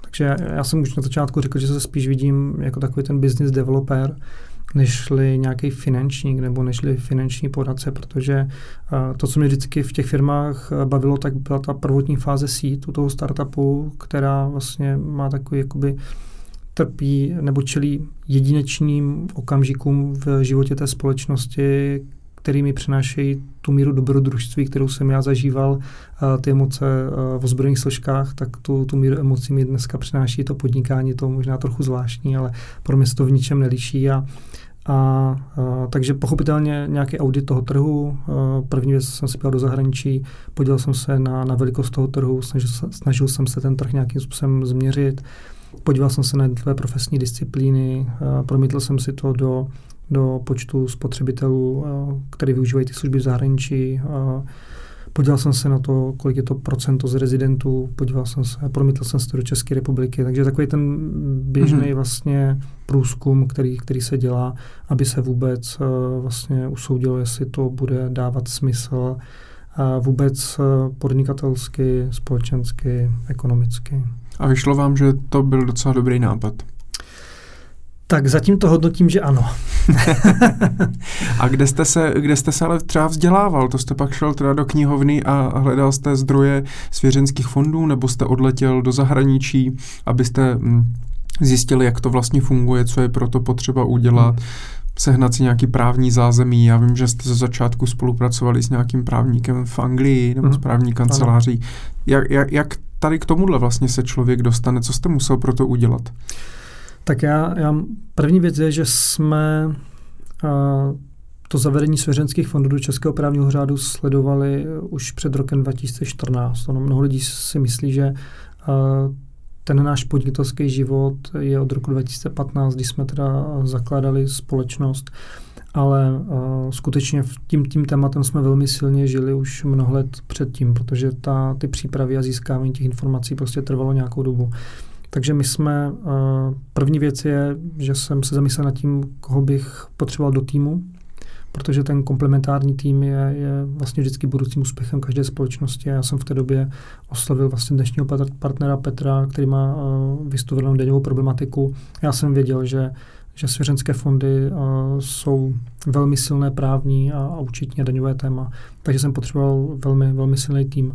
Takže to byl nějaký rok možná 2012, 2013, když jsem seděl s Petrem a bavili jsme se o svěřenských fondech, tak pak to téma nějakým způsobem uh, bylo utlumený, protože teda svěřenské fondy přišly na český trh, ale byly poměrně silné, silné snahy některých politických stran o vlastně zneplatnění toho institutu a existovalo velmi reálné politické riziko. My jsme nevěděli, jestli svěřenské fondy budou vlastně vůbec existovat a, a pak, že existovaly si v té podobě, ve které mm-hmm. byly zavedeny, protože už vlastně proběhla, proběhla novela občanského zákonníku, která, která nějaké změny měla přinést. Takže my jsme trošku znejistili a, a vlastně viděli jsme, že veškerá ta energie a zatím proinvestovaný kapitál by mohl, mohl být vníveč, což se na, naštěstí nestalo ale eh, bylo to skutečně o tom, že jsme věděli, že mm, jediná cesta vede přes velmi silný právní back office, který v Čechách v té době nebyl. Takže my jsme reálně udělali to, že jsme eh, teda eh, obeslali nějaké dotazy, obvolávali jsme zavedené právní kanceláře a poptávali jsme nějakou spolupráci, ale ta, ta doba, která není moc vzdálená, je to necelých pět let, tak byla skutečně ve znamení toho, že všichni měli v ruce občanský zákonník, který nám ukazovali. My jsme jim říkali, že máme taky v ruce, že vlastně na to je vůbec nepotřebujeme. A to, co my potřebujeme, tak je to zvyklostní právo. Potřebujeme tu praxi, která v té době prostě nebyla. A já jsem v té době vlastně četl oponenturu Filipa Celadníka, který vlastně psal svůj nějaký názor na podobu svěřeckých fondů, které byly přijaty v České republice. A Filip Celadník v té době vlastně pracoval v Londýně pro londýnskou kancelář Sedons. A mně se to velmi líbilo, ta oponentura byla velmi odvážná, on si ze své role, kdy nepůsobí v Čechách, mohl dovolit, protože ten český právní rybníček je přece jenom malý v tom, v tom českém prostředí, takže jsem ho oslovil a to byla vlastně ta doba, kdy jsme začali vést tu, tu diskuzi na téma, že bychom rádi a nějakým způsobem transplantovali do, do českého prostředí to, tu jejich zkušenost 30 let s trastama, protože Sedons je v Londýně velmi uznávaná autorita v oblasti autorského práva, v oblasti trustů. Mm-hmm. A jak jste zmiňoval, teda vy jste vlastně společnost Svěřenská zpráva uh, založili 9. září 2015, ano. takže v podstatě jste to zakládali ve chvíli, kdy jste měli všechno připravené? Ano. My jsme měli uh, jistotu, že No, jistotu. Věděli jsme, že už nejsou tak silné politické útoky na zneplatní to institutu zprávy cizího majetku a měli jsme už vlastně nasmluvané uh, právní služby a věděli jsme, že, že ten tým v pozadí, který je zapotřebí na to, abychom reálně tu, tu činnost vykonávali, tak, tak je nasmluvaný. Mm-hmm. Než se ještě dostaneme ke svěřenským fondům, jeden, jenom taková jedna technická záležitost. Vy ve společnosti Svěřenská zpráva vlastníte majoritní podíl, 75% mm-hmm. a 25% jste nabídl teda i zmiňovanému Petrovi Kováčikovi. Ano. Na základě čeho jste se rozhodovali, že jste si roz, dali tady takovýhle podíl? Tak, a teďka nevím, co z toho můžu říct. Jo. Ale, uh, Všechno samozřejmě. Ano, uh, ten, ten příběh, tak jak to bývá v životě, tak ten příběh má, má několik prostě odboček. Jo, že to není úplně ta, ta přímá linka. A vlastně v době, kdy, kdy to téma svěřenských fondů utichlo a nevědělo se, jestli jo nebo ne, tak uh, tak jsem nabil, nabil dojmu, že vlastně Petr o to téma svěřeckých fondů už nemá moc, moc zájem, protože měl jiné své podnikatelské aktivity. A, a já jsem společnost zakladal sám. Mm-hmm. To znamená, že já jsem si řekl, mě to furt smysl dává a, a já jsem se pro ten krok rozhodl, takže já jsem vlastně pokračoval v té činnosti. A ty kroky už jsem prostě podnikl, společnost jsem založil, a pak jsem oslovoval vlastně Petra s tím, že už jsem ty kroky na trhu podnikl a Petr pochopitelně uh, mi řekl, že jakby z toho záměru neustoupil, i přesto, že má několik souvislých podnikatelských činností, tak přes, přesto je to téma pro něho zajímavé. A já jsem mu teda, teda navrhl, že i přesto, že už tu prvotní investici jsem udělal já, tak uh, si může může vybrat eh, vyšší podílu do, do 50% a nechám na něm, eh, ať se sám rozhodne, pochopitelně s ohledem na, na, na zpětnou fundaci těch, těch investic, které, které tam proběhly, tak, aby se rozhodl, jaký podíl chce a, a nechal jsem to na něm. Mm-hmm. Takže je možné, že kdybyste pokračovali od začátku jako nebo celou dobu spolu, takže byste šli 50 na 50? Určitě. Jo? Určitě, ano. Ale majorita je asi lepší. Uh, no, já si to nemyslím. ne? Já si to nemyslím, tak. no. Povídejte, měli jsme tady před vámi hosty, ty říkali, že uh, když můžou vlastnit společnost jenom oni sami, nebo jak se to říká, že uh, ideální počet vlastníků společnosti je lichý a tři jsou moc. Tak ono to, to je totiž otázka nějaké zkušenosti a, a vlastně, co tím sledujete. Já ve společnosti Svěřenská zpráva jednak jsem v roli společníka, v roli jednatele a v roli zaměstnance, což je ta nejhorší možná kombinace a já jsem si slíbil, že kdykoliv půjdu majetkově do nějaké společnosti, tak nikdy už nedopustím, abych opět měl tuto kombinaci, protože v roli společníka pochopitelně máte jednu jednoduchou strategii a, a chcete, aby firma šla dividendovou strategii, aby si vyplácela co největší podíl na zisku, mm-hmm. protože jste do té firmy investoval s cílem inkasovat eh, profit eh, v podobě eh, nějakých zisků. V roli jednatele vám jde o růstovou strategii, vlastně bojujete proti tomu společníku a říkáte, ne, všechny peníze musí být v firmě, protože firma potřebuje růst, potřebuje investice, potřebuje kapitál na rozvoj a, a zaměstnanec v roli zaměstnance vlastně mě úplně jedno, co chce jednatel, co chce společník. Chcete velkou mzdu. chci, chci ideálně eh, fixní příjem a netrpět starostmi, eh, které jsou jednatelé a, mm. společníka. Takže, takže vlastně eh, ta paranoja, kterou někdy trpíte v tom rozhodovacím procesu, je, je velmi náročná a, a proto z titulu uh, té majority, když uh, pochopitelně bylo potřeba do firmy zase dát nějaký kapitál, tak, tak ten se tam vkládal do základního jmění pochopitelně vždycky výši, výši těch základních podílů. Mm-hmm. Takže z toho titulu pochopitelně do budoucna můžou plynout nějaké zajímavé benefity v roli toho, toho společníka, ale myslím si, že v těch vlastně úvodních seed fází toho startupu, té, té firmy, máte jako jednotlivou odpovědnost, jako společník máte jenom, jenom vlastně investice a musíte řešit strategické rozhodování, které je poměrně náročné a, a proto v tom počátku nikdy nevidím žádný benefit, jo, nějakou, nějakou výhodu a pokud si někdo myslí, tak ať to zažije. Já už jsem těch pár firm takhle zažil, ty fáze. Takže uh, to je něco, co může být opravdu jakoby atraktivní a zajímavý v momentě, kdy ta firma má nějakou valuaci, kdy je tam nějaká exitová strategie a, mm-hmm. a kdy skutečně se uvažuje uvažuje o prodej firmy. Jo, do té doby uh, nikdy vlastně tu roli společníka necítíte jako benefit, vždycky to cítíte pouze jako odpovědnost závazky a, a tak to je. Mm-hmm. A pojďme teda našim posluchačům konečně vysvětlit, oni možná na to čekají, protože někteří z nich neví, co je to svěřenský fond, mm-hmm. k čemu vlastně slouží. Tak zkuste nám to jednoduše popsat, jestli to jde. Jo, tak to je vždycky úkol, který máme pro, pro všechny ostatní, aby se pokusili jednoduše to vysvětlit. Ale, ale eh, když to mám říct jednou větou, tak svěřenský fond je speciální druh zprávy cizího majetku. Tečka. Tak to mm-hmm. je.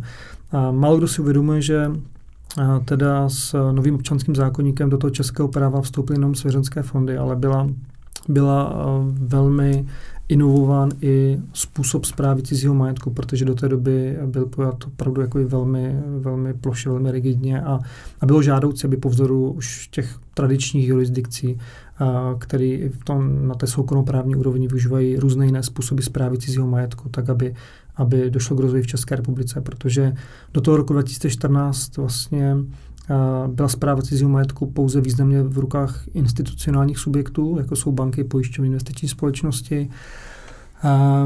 U jednotlivců to byli uh, správci pozůstalosti nebo správci insolvenční podstaty nebo exekutoři, kteří de facto zajišťují určitý druh zprávy cizího majetku mm-hmm. a k silnému rozvoji teda došlo až vstupem svěřenských fondů. Takže souběžně s tím teda teda vznikl způsob zprávy cizího majetku jako celku a svěřenský fond jsou jedním z druhů tohoto zprávy, zprávy cizího majetku. Uh-huh.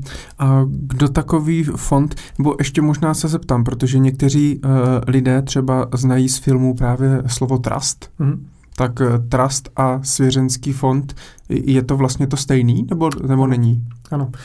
Uh, Trust je vlastně jako v překladu důvěra, uh, s tím, že je to vlastně velmi zabydlené nebo zvyklostní názvosloví pro, pro identifikaci tohoto majetkového uspořádání a je to paralela vůči svěřenským fondům. Takže každý, každý stát, eh, i ty státy, které jsou součástí Hádské konvence, která umožňuje sjednávat svěřenské fondy podle, podle jinčího druhu práv, eh, vlastně eh, tak mají vlastní svěřenské fondy, takže Německo má tady Hand, Rakousko má Privatstiftung,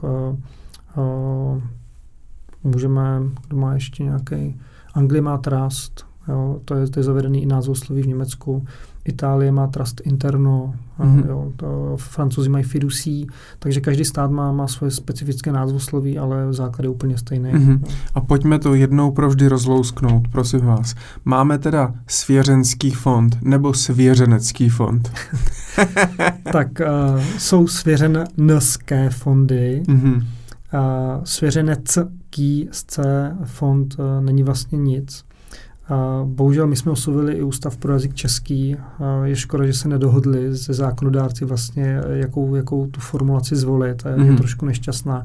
I z tohoto tylu, že v minulosti existovalo svěřene, svěřenectví a, a právníci jako institut vlastně zprávy cizího majetku používají svěřeneckou smlouvu.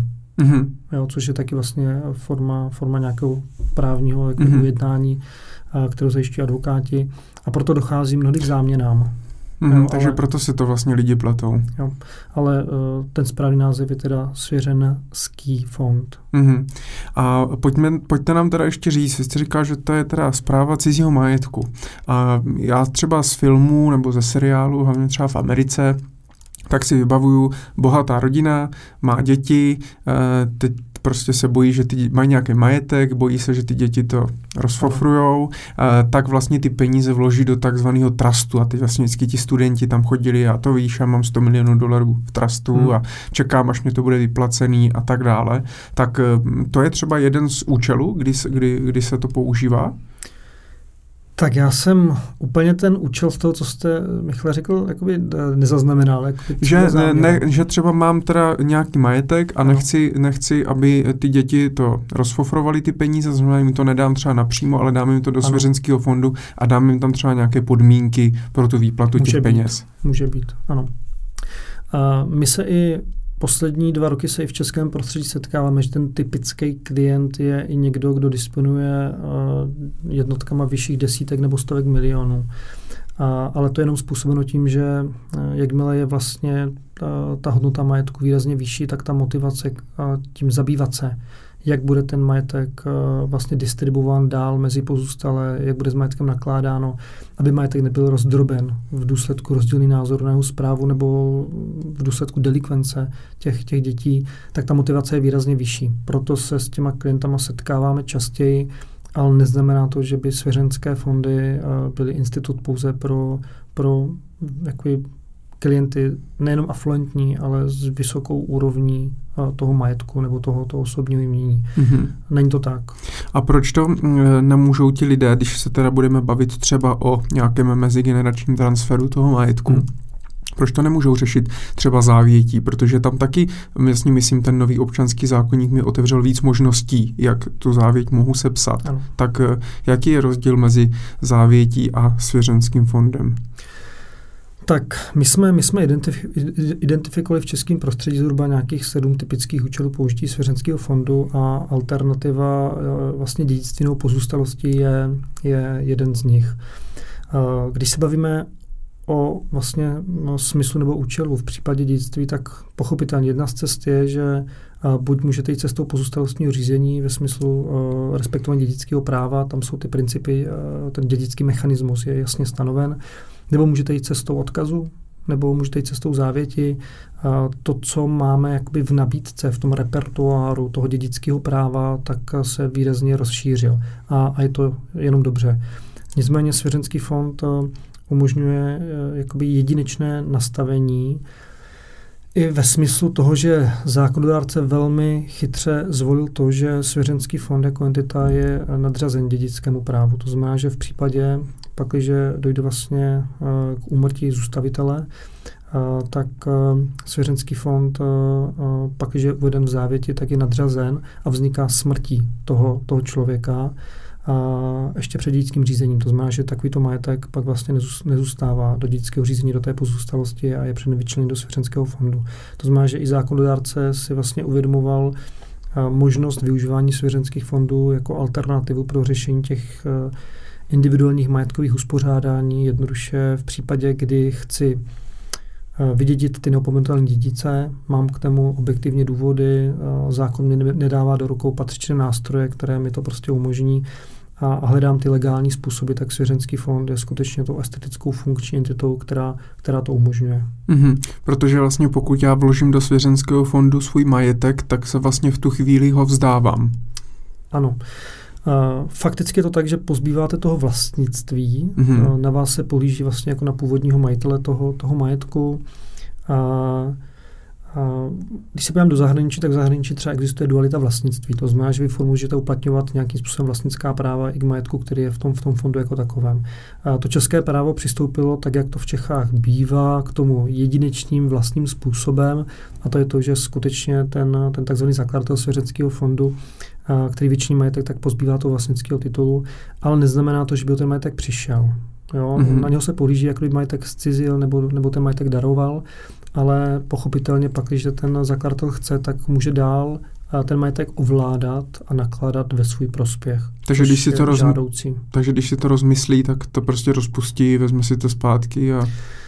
Tak uh, neúplně, neúplně tak přesně, protože uh, tady musíme respektovat nějaký současný vývoj právního názoru.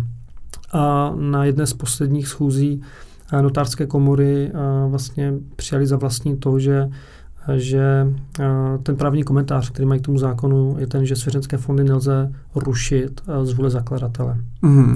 Takže máme tady trošku ještě takovou právní nejistotu v tom prostředí, protože na jednu stranu zákon říká, že zakladatel může cokoliv, co si, co si vlastně vymíní v tom statutu a pak, když si vymíní tu podmínku, že může fond zrušit, tak, tak může. To, to je jeden právní komentář, ale eh, ten postoj eh, vlastně eh, té notářské komory je ten, že že i přesto, že to tak je dáno, tak pochopitelně oni ten výklad zákona si dělají po svém a, a z jejich pohledu ne.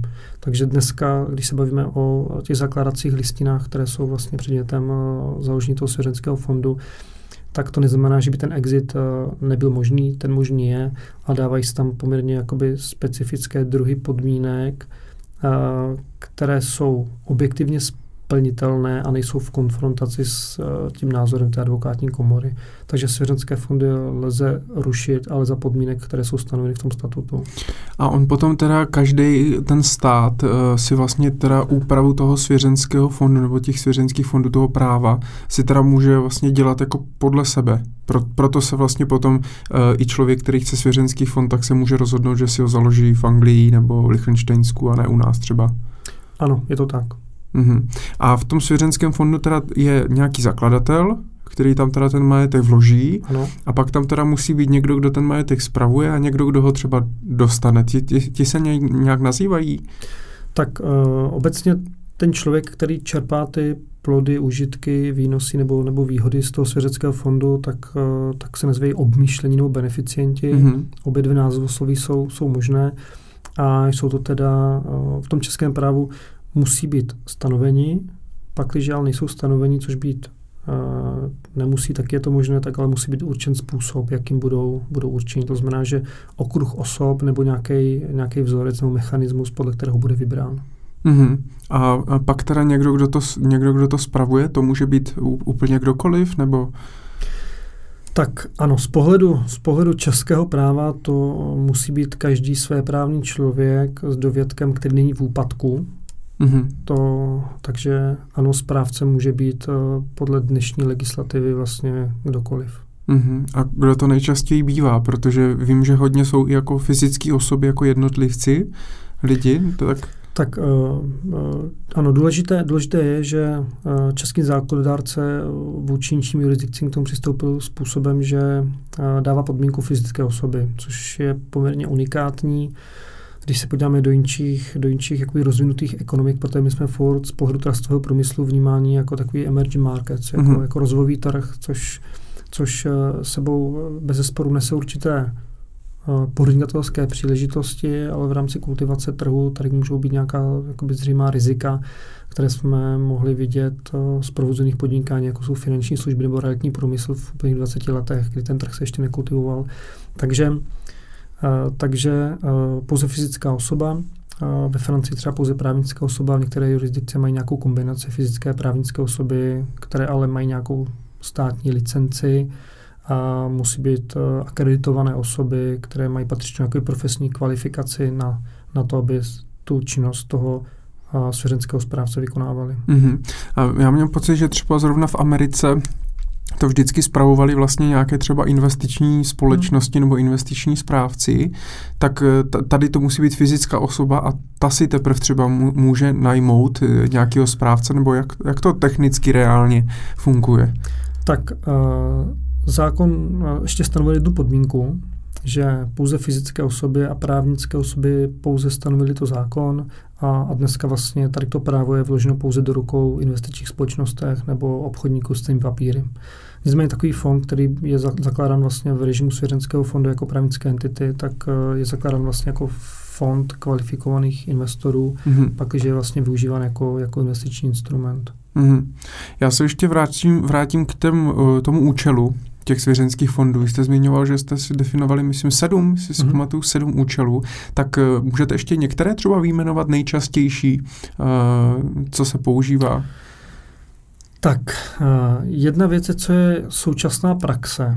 A my se v té současné praxi uh, setkáváme s tím, že to individuální majetkové uspořádání nebo řešení těch uh, posmrtných majetkových vztahů je velmi dominantní motiv a protože čelíme tomu, že jsou klienti nejsou sezdáni nebo trpí prostě nějakýma rodinnýma konfliktama, vidění není, není reálné možné, nebo obecně děti uh, mají nějakou míru de- delikvence nebo trpí nějakou míru závislosti a, a nemůžou disponovat s tím majetkem. A svěřenský fond je skutečně jakoby ta, ta, ta majetková entita, která jim poskytne uh, nějaké příjmy na udržitelnost životního standardu.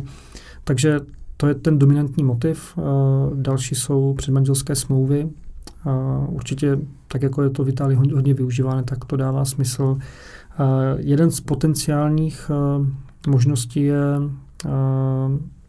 vlastně řešení alimentů, což v českém prostředí, mm-hmm. a vlastně když se zabýváme tím, jak je nakládáno s, s alimenty, tak fakticky se jedná o zprávu cizího majetku, kdy ten, kdy ten rodič, který má vlastně právo využívat s těma penězma ve prospěch toho dítěte, tak značná část těch prostředků prostě není ve prospěch těch dětí využívána a ten, ten rodič, který, který jednoduše dává ty peníze, tak, tak nemá možnost to jakýmkoliv způsobem prostě ovlivnit. A to ty soudy kvitují? To to je v pohodě, protože vím, že bavil jsem se o tom s nějakými známými právě, že jako by navrhovali na soudu, že by třeba eh, těm dětem založili nějaký investiční účet a na jejich jméno a platili to prostě přímo tam, protože právě eh, se báli, že ta, že ta matka nebo ten otec hmm. Eh, to nevyužije prostě správně a většinou jim to bylo jako zatrhnuto, tak ten svěřenský fond je řešením.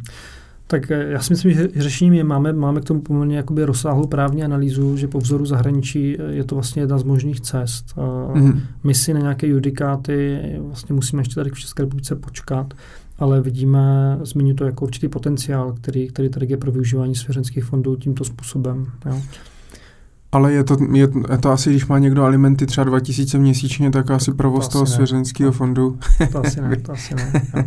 Ale ale uh, když se vrátím třeba k otázce uh, toho uh, předmanželského majetkového uspořádání, tak, uh, tak málo kdo si uvědomuje, že když se vlastně analyzuje důvod ztráty majetku, tak uh, rozvodové řízení nebo vlastně pokles majetku z důvodu rozpadu vztahu je jedno z dominantních vlastně těch, těch faktorů, mm-hmm. který zajišťuje zprávu majetku a, a dává smysl tam, kde ten majetek je, je třeba větší, tak zabývat se tou, tou otázkou velmi, velmi jako precizně a nějakým způsobem to majetkové uspořádání vyřešit, aby k poklesu toho majetku nedošlo. Mm. A co znamená větší majetek? Protože spoustu lidí si možná nedokáže představit, říká si, no jo, svěřenský fond to je jenom vlastně pro milionáře nebo pro miliardáře, tak dá se nějakým způsobem kvantifikovat ta hodnota toho majetku? Kdy je zajímavý začít řešit eh, ten svěřenský fond? Tak, uh, to, jestli je zajímavý ten fond, eh, není dáno ani výšší majetku, ale spíše... Jestli se to vyplatí. Pocitem toho, toho klienta. Řešili jsme svěřenské fondy, uh, kde významně se jednalo o, o drobné rodinné úspory ve výši 100 tisíců. Mm-hmm.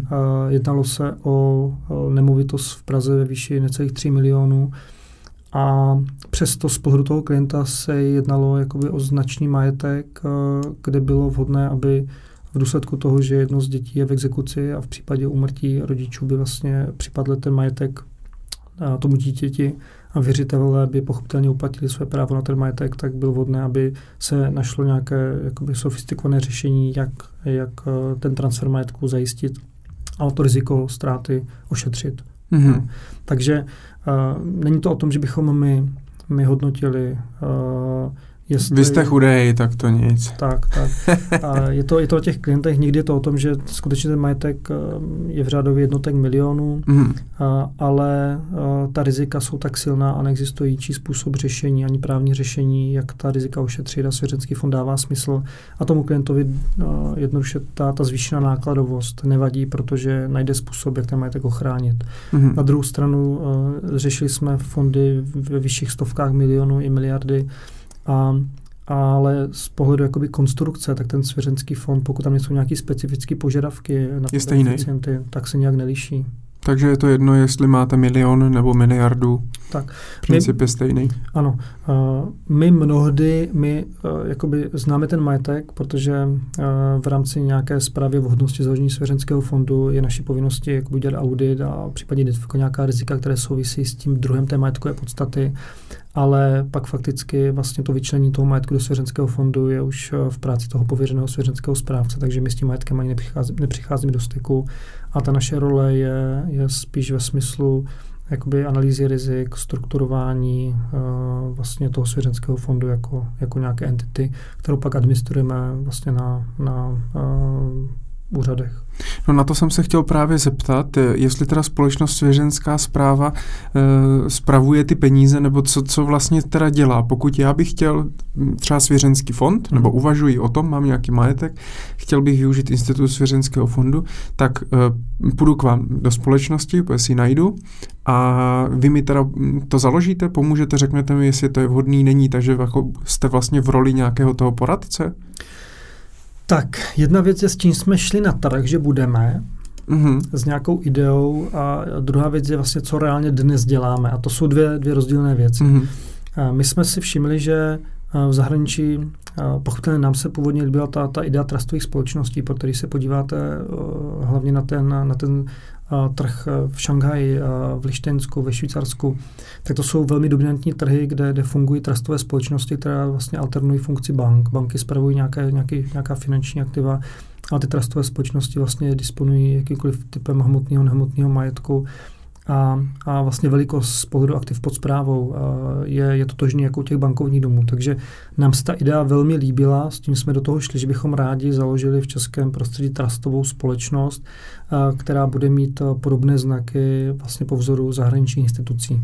Druhá věc je, že jsme narazili na, na definici českého práva, že správce může být pouze mm-hmm. fyzická osoba, a proto jsme se rozhodli vlastně poskytovat i jiné ty typové služby, které lze vlastně poskytovat na té institucionální úrovni, na úrovni právnické osoby, jako je přesně uh, ta konzultační činnost, uh, poradenská činnost, uh, jako je dohledová činnost, uh, administrace svěřenských fondů, ale zprávu samotnou vlastně jako právnická osoba dělat, dělat nemůžeme. Dokonce v mnoha případech bychom byli, byli ve střetu zájmu, pak, když ve fondu máme dohledovou činnost a jsme tam vlastně integrováni do těch právních listin jako nějaký kontrolní mechanismus, tak, tak uh, není úplně jakoby etické a morálně vhodné a ani systémově to není vhodné, abychom tam vykonávali funkci správce, protože musíme mít nějaké, nějaké nástroje pro případné restrikce uplatňování nějakých práv a vlastně beneficientů vůči správci. Mm-hmm, takže vlastně děláte všechno, krom zprávy těch peněz? Ano, ano. A e, jsme schopni vyčíslit, kolik vlastně to stojí, teda založení svěřenského fondu? Podle čeho se to, nebo já za vámi teda přijdu, řeknu, hele, tady mám chatu, auto, barák a pět milionů na účtu, potřebuji založit svěřenský fond, se bojím, že mi to syn všechno rozfofruje nebo že je v exekuci, tak kolik vám za to zaplatím? 20 tisíc, 100 tisíc, milion? Dá se to vůbec takhle říct? Eh, dá se to říct. Eh, eh, my jsme, když jsme uvažovali o vlastně naceňování těch služeb, tak jsme, tak jsme si nechali poslat taky ceníky zahraničních poskytovatelů. Když jsme viděli, že základem je to, že při založení svěřenského fondu zakladatel vyčlení eh, v tom nominálu jako v českých korunách milion korun, zakladatel se zaváže, že pak, že pro hospod, jako využijí ty, ten, ty zdroje na, na založení, tak musí dodat další, další kapitál, tak je prostě nerealizovatelné. Jo. Takže v českém prostředí se teprve ta citlivost toho trhu na tu, na tu cenu vytváří. Furt jsme ve fázi vlastně inkubace svěřenských fondů a, a ta cenotvorba je jeden z velkých témat toho, toho českého prostředí. Ale my dneska vidíme dva takové směry. Buď zakládáme jakoby typický svěřenský fond, to znamená, že jedná se o vůzovkách nějaké téměř šablonové řešení. Je tam běžná životní situace jako majetkový podíl v firmách, nemovitost a, a, a řešíme přesně typ fondu, který slouží jako alternativa pozůstalosti nebo dědického řízení tak to jsou prostě fondy, které už máme, máme, založili jsme jich řadu, máme uh, vytvořený nějaké jakoby modely i systémy na to, jak takovéhle svěřenské fondy zakládat. A proto jakoby uh, naše investice do toho založení je poměrně jako minimální. A takovéto fondy jsme schopni dneska už zakládat z nějakých 50-60 tisíc bez DPH. Mm-hmm. Jo, to znamená, že z pohledu trastového průmyslu je to vlastně toto částka na pomyslném dně, vlastně kdy pokud uvažujeme o tom, že ten svěřenský fond musí mít uh, nějakou robustní právní strukturu, uh, my děláme mnohdy testování struktury těch svěřenských fondů ve smyslu toho, že že máme namodelováno mnoho situací a testujeme vlastně to právní prolomení nebo napadení svěřenského fondu. To znamená, že nejedná se o nějaký jednostránkový svěřenský fond, ale skutečně o velmi, velmi robustní dokumentaci svěřenského fondu, tak i takový to Rolls Royce z našeho pohledu uh, vlastně jsme schopni zakládat z nějakých 50-60 tisíc pro nějaké běžné životní situace. Mm-hmm. Máme ale taky za sebou svěřenské fondy, které jsou velmi náročné uh, z pohledu soudních znalců, z pohledu typového majetku, z pohledu nejasnosti majetkových stavů, nejasnosti uh, právní situace nebo případných sporů. Jsou tam nejasnosti z pohledu napadení toho svěřenského fondu mm. a, a pochopitelně ty právní analýzy, které se dělají, nebo ty posudky, nebo ty zprávy, které předchází samotnému založení, tak jsou mnohdy velmi finančně náročné. Takže ten svěřenský fond může mít tu cenovku v nedozírnu. Takže máme... A kolik jste fakturovali nejvíc? tak a, a, byly to zatím jako vyšší stovky tisíc, který, mm-hmm. který byly. A jsou to ještě fondy, které třeba do posud nejsou založeny. Mm-hmm. Jo, furt tam vykonává činnost, protože to jsou třeba fondy, které jsou na stole rok a půl. Uh, jednou většinou se jedná o family trusty, které jsou velmi robustní co do, co do uspořádání, co do ideje toho zakladatele.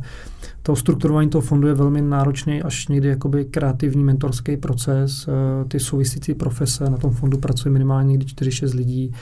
Uh, nikdy nemáme externí specialisty, když si necháme dělat, dělat nějaké daňové analýzy. A a proto jsou to fondy, které skutečně třeba už máme na stole rok a půl. Bohužel máme zkušenosti s tím, že některé, některý fond uh, nebyl z důvodu umrtí zakladatelů uh, dořešen a založen. Jo, než jste to založili, tak umřel chudák. Ano, ano. ano. to je blbý. A, takže musel se hrát jiná, jiná cesta, takže uh, máme různé zkušenosti, ale ten rozptyl ohledně cenovky je velmi, velmi různý. Ale je dán významně náročnosti toho svěřenského fondu. Mm-hmm, to mhm, znamená, že jasně. nelze paušálně říct, že ten, kdo má do fondu milion zaplatí XY, ten, kdo má miliardu, zaplatí XY, ne. Mm-hmm. Je to dáno, dáno většinou tou ideou, úvahami, účelem svěřenského fondu, typem majetku prostě a tím, čeho chce dosáhnout. Ty administrativní poplatky asi a ty, ty, ty věci, které tam prostě jsou fixní pro každýho, tak jsou asi jasně daný ano. a pak je to o těch právních analýzách, o těch posudcích vlastně a o tom, vlastně o tom času stráveným nad tou, nad, nad tou analýzou. Jak dneska je průměr nějaká hodinová sazba, pak, že na, na některých fondech se pracuje projektově, ale ta hodinová sazba se dneska na trhu pohybuje od 2,5 tisíce do 5 tisíc za hodinu. Mm-hmm. Jo, to je nějaká průměrná hodinová sazba. A podle toho, jestli ta společnost nebo ten, ten uh, konzultant je, je juniorní nebo seniorní. Mm-hmm. A jak jste, jaký fond jste třeba založený nejrychleji? Nebo ne jaký fond, ale uh, jak, za jak dlouho jste nejrychleji založili nějaký, nějakou, nějaký svěřenský fond? Tak my uh, prezentujeme, že jsme schopni do 30 dnů, což uh, zatím se nám možná ani nepovedlo. Mm-hmm. A je to většinou... A garantujete pak vrácení peněz. no, prav, pravda je to, že mnoho těch typů kontraktů nebo těch NDAček, které podepisujeme, tak uh, mají nějaký závazek, ať, ať nákladový nebo, nebo termínový. Máme bohužel zkušenost, kdy naší chybou ten management a koordinace souvisejících profesí se jednoduše nepovedl a ten fond se do toho zvoleného termínu nepodařilo, z toho nám pak vyplyne nějaké sankce. I to jsou typy biznisu, mm-hmm. kde máme tu zkušenost a díky tomu jsme získali nějaký poznatek, který můžeme dál, dál zúročovat. Ale dneska je ten standard, řekněme, od těch 30 do 60 dnů je, je asi ta ideální doba, protože to téma musí v tom zakladateli zrát. My máme velmi ránou zkušenost s tím, že ten klient přijde s nějakou jakoby, plochou, jednoduchou úvahou, kterou si představuje velmi, velmi jakoby jednoduše prostě. Ale v momentě, když procházíme 60-stránkový dotazník, v momentě, kdy ho vlastně vystavujeme velmi, velmi emocionálním otázkám, který má jakoby velmi jakoby osobní rovinu, a ty otázky si nikdy nepoložil, tak potřebuje prostě prostor na toto zpracovat. A tady je to prostě biznis, kde kde uh, my nestanovujeme ten termín, uh, ale ten termín stanovuje ten klient. Prostě v momentě, kdy on dozraje do toho, že už ví, někdy potřebuje zapojit beneficienty, rodinu, uh, mnohdy silně spolupracujeme s určitinou právním týmem toho, toho daného klienta na tom svěřenském fondu a to je prostě biznis, který potřebuje čas, aby ty věci dozrály a je to tak mm-hmm. dobře. A kolik máte založených svěřenských fondů?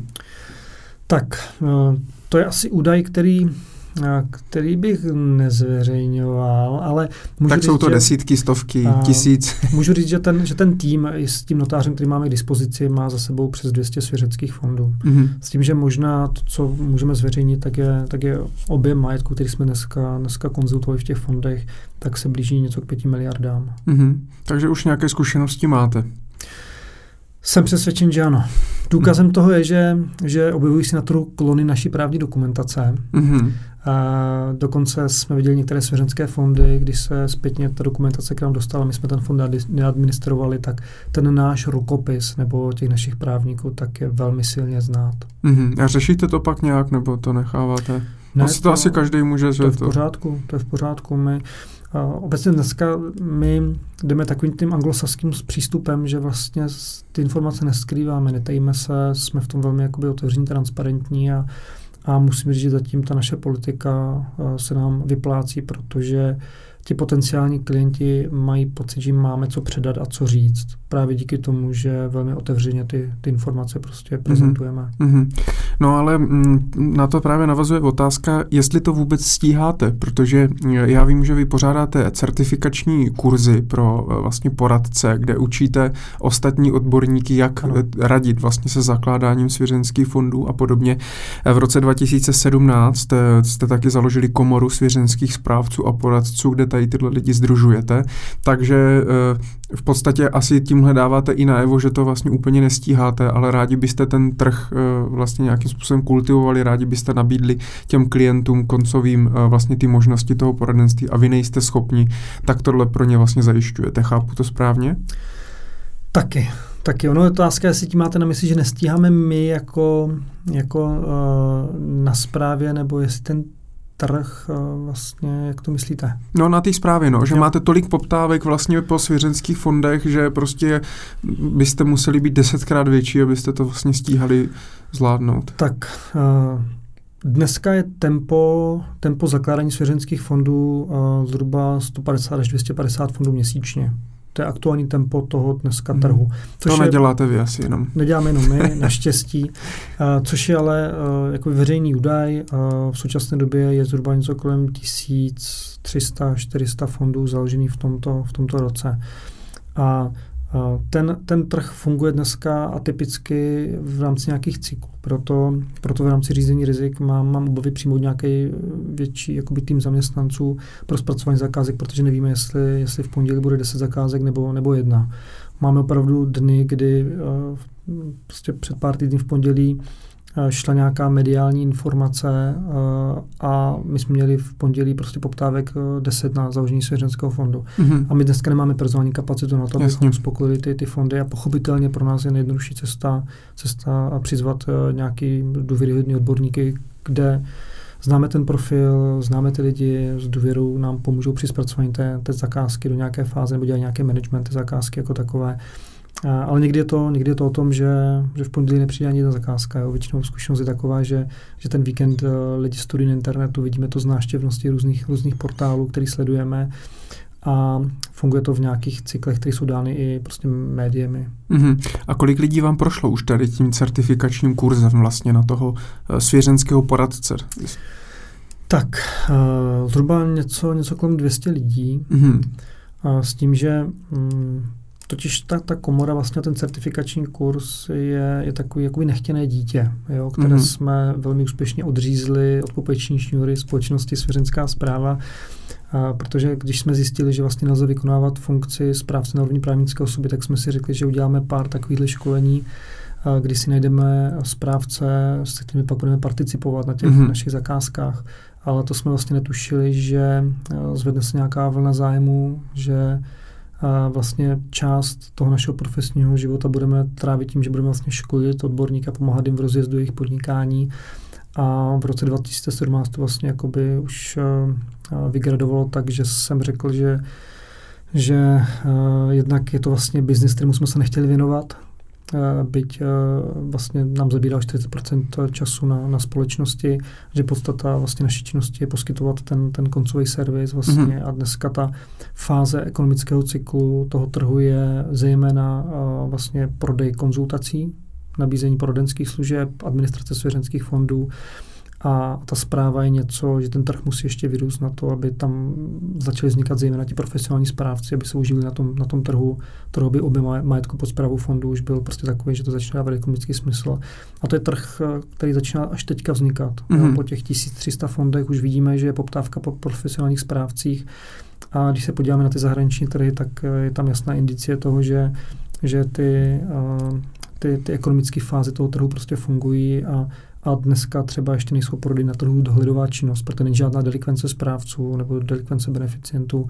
Takže některé služby, které máme v repertoáru a rádi bychom nabízeli, tak jednoduše začneme nabízet za pár let, mm-hmm. protože dneska ještě poptávka není.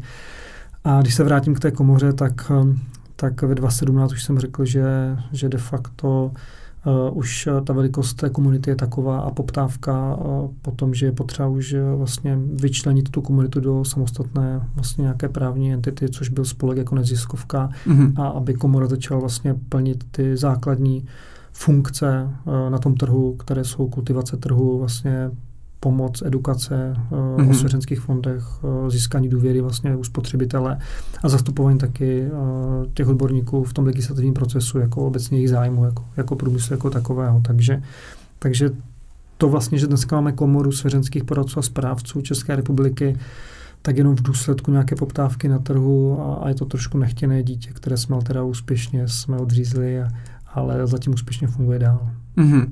A ten certifikační kurz teda teďka pořádá ta komora, anebo společnost Svěřenská komora. zpráva? Komora. Veškeré, veškeré aktivity, které vlastně do, do toho roku 2017 poskytovala jako služby společnost Svěřenská zpráva, tak vlastně přešly a získala, a získal spolek.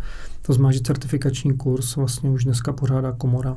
Jasně, takže, svěřensk, takže jste to vlastně oddělili teda ano. oficiálně, že svěřenská zpráva se opravdu věnuje pouze tomu koncovému zákazníkovi, který si přijde pro ten svěřenský fond, zatímco komora vlastně vzdělává, a ty správce vzdělává, poradce pořádá kurzy.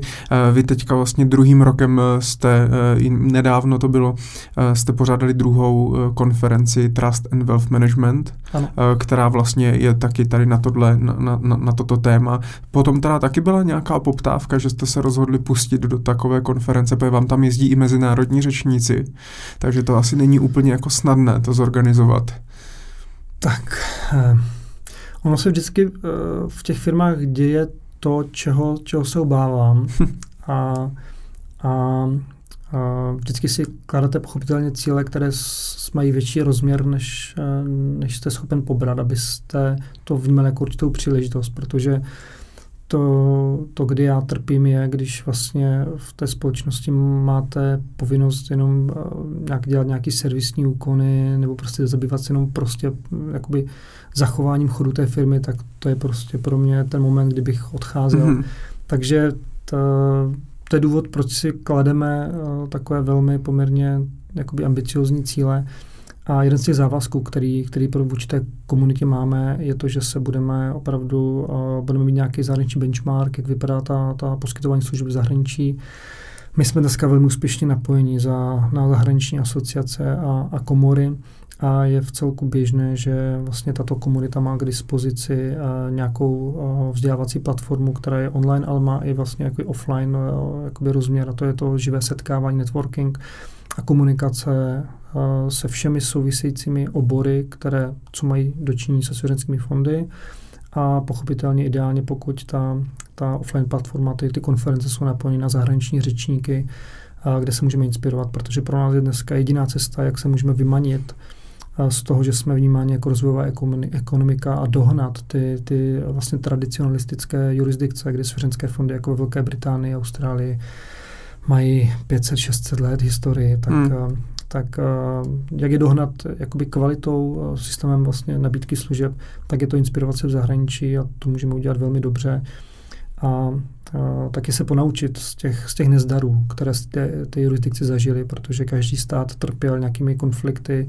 Ve Francii, že byly trusty součástí šedé ekonomiky, v Německu snaha o daňové, eh, daňové vlastně zvýhodňování. A někde je snaha o skrývání majetku před věřiteli a krácení jejich práv. A to znamená, že ty jurisdikce jsou velmi atypické a my jsme převzali svěřenské fondy vlastně už po těch všech trápeních jako očištěný vlastně právní institut který už je dneska nějak silně regulován, je už vnímán z pohledu vlastně Bruselu jako běžný instrument finančního trhu pro řešení soukromého způsobu zprávy majetku a jsme za to velmi, velmi rádi a vnímáme tu konferenci vlastně jako jedinou mezinárodní akci v České republice tohoto typu, mm-hmm. kde ti odborníci se mají možnost v jeden den na jednom místě potkat vlastně a sdílet ty poznatky, inspirovat se hlavně vést dialog. Jo. A to byla moje výzva vlastně tohoto roku, kdy cítíme, že je nutné zapojit orgány státní zprávy, které jsou dotčeny, jako je eh, evidence svěřenských fondů ve smyslu ministerstva spravedlnosti. Je potřeba zapojit víc ministerstvo financí nebo finanční zprávu, aby pochopili principy, ale taky ten, ten bankovní sektor, bez kterého prostě ty svěřenské fondy nebudou fungovat, protože dneska zakládání bankovní účtu je poměrně anabáze, je to velké téma. A jsme rádi, že teďka na tu konferenci přijelo 15 zástupců bank ze Švýcarska, z Lištinska, z České republiky a všichni byli otevření uh, vlastně v té večerní části té večeře vést ten dialog vlastně mm-hmm. a bavit se o tom, jak můžeme z toho trhu udělat nějakou společnou šanci pro, pro ty zakladatele, pro beneficienty a případně pro ty osoby, které v tom oboru podnikají.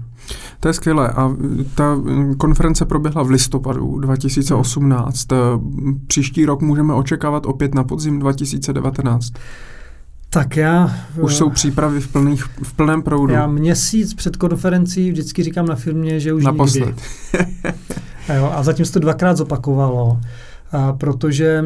Nikdy a, nebo navždy. A nás, to, nás to na firmě paralyzuje vlastně, protože máme velmi hmm. úzký tým lidí a pak se ty lidi nemůžu věnovat těm klinickým zakázkám, jo, co, za což jsem nerad. A, proto jsem říkal, že už nikdy. A pak ale když vidím tu, tu, tu energii, která proudí na té konference, když vidím to, co jsme schopni v tak malé zemičce vlastně na tom trhu dělat, jaký zásah. A že s, nám jsou ochotní zahraniční řečníci, kteří běžně nespojují a, své jméno s, s každým, a, nebo vybírají si, tak jako minulý rok, Jan van Buren a Thomas Mink a vlastně z Switzerland Services z Family Officeu, tak oni si vybírají na světě dvě konference, kde vystoupí a vybrali si nás.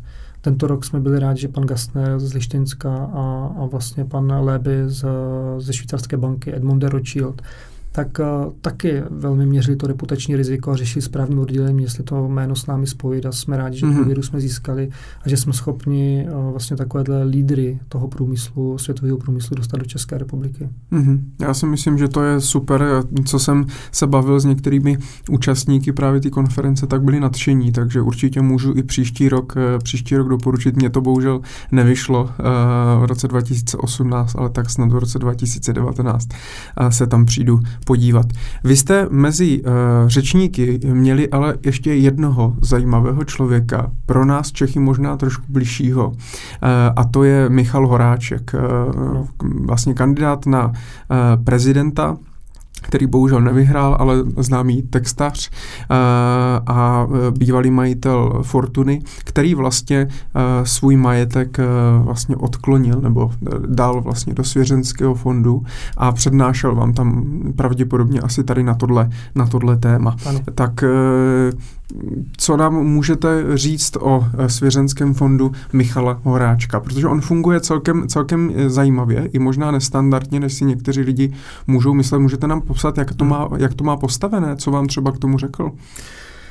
Tak pro nás uh, Svěřenský fond, nebo konkrétně pan, pan doktor Horáček, byl jasná volba. My jsme poptávali i jiné podnikatele.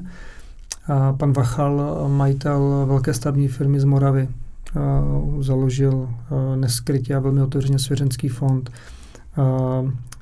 Poslední vývoj je, že pan Michal jako člen bankovní rady založil si svěřenský fond a majitel synotypu bude zakládat svěřenský fond, takže, takže je to ukázka toho, že to, co je vlastně uh, zcela obvyklé v jiných jurisdikcích, že pak, když jdete do, do nějakého, jste veřejně známá osobnost, nebo jdete do státního úřadu, nebo do nějaké státní administrativy, tak je v celku společensky v pořádku majetek vlastně svěřit do rukou svěřenskému fondu.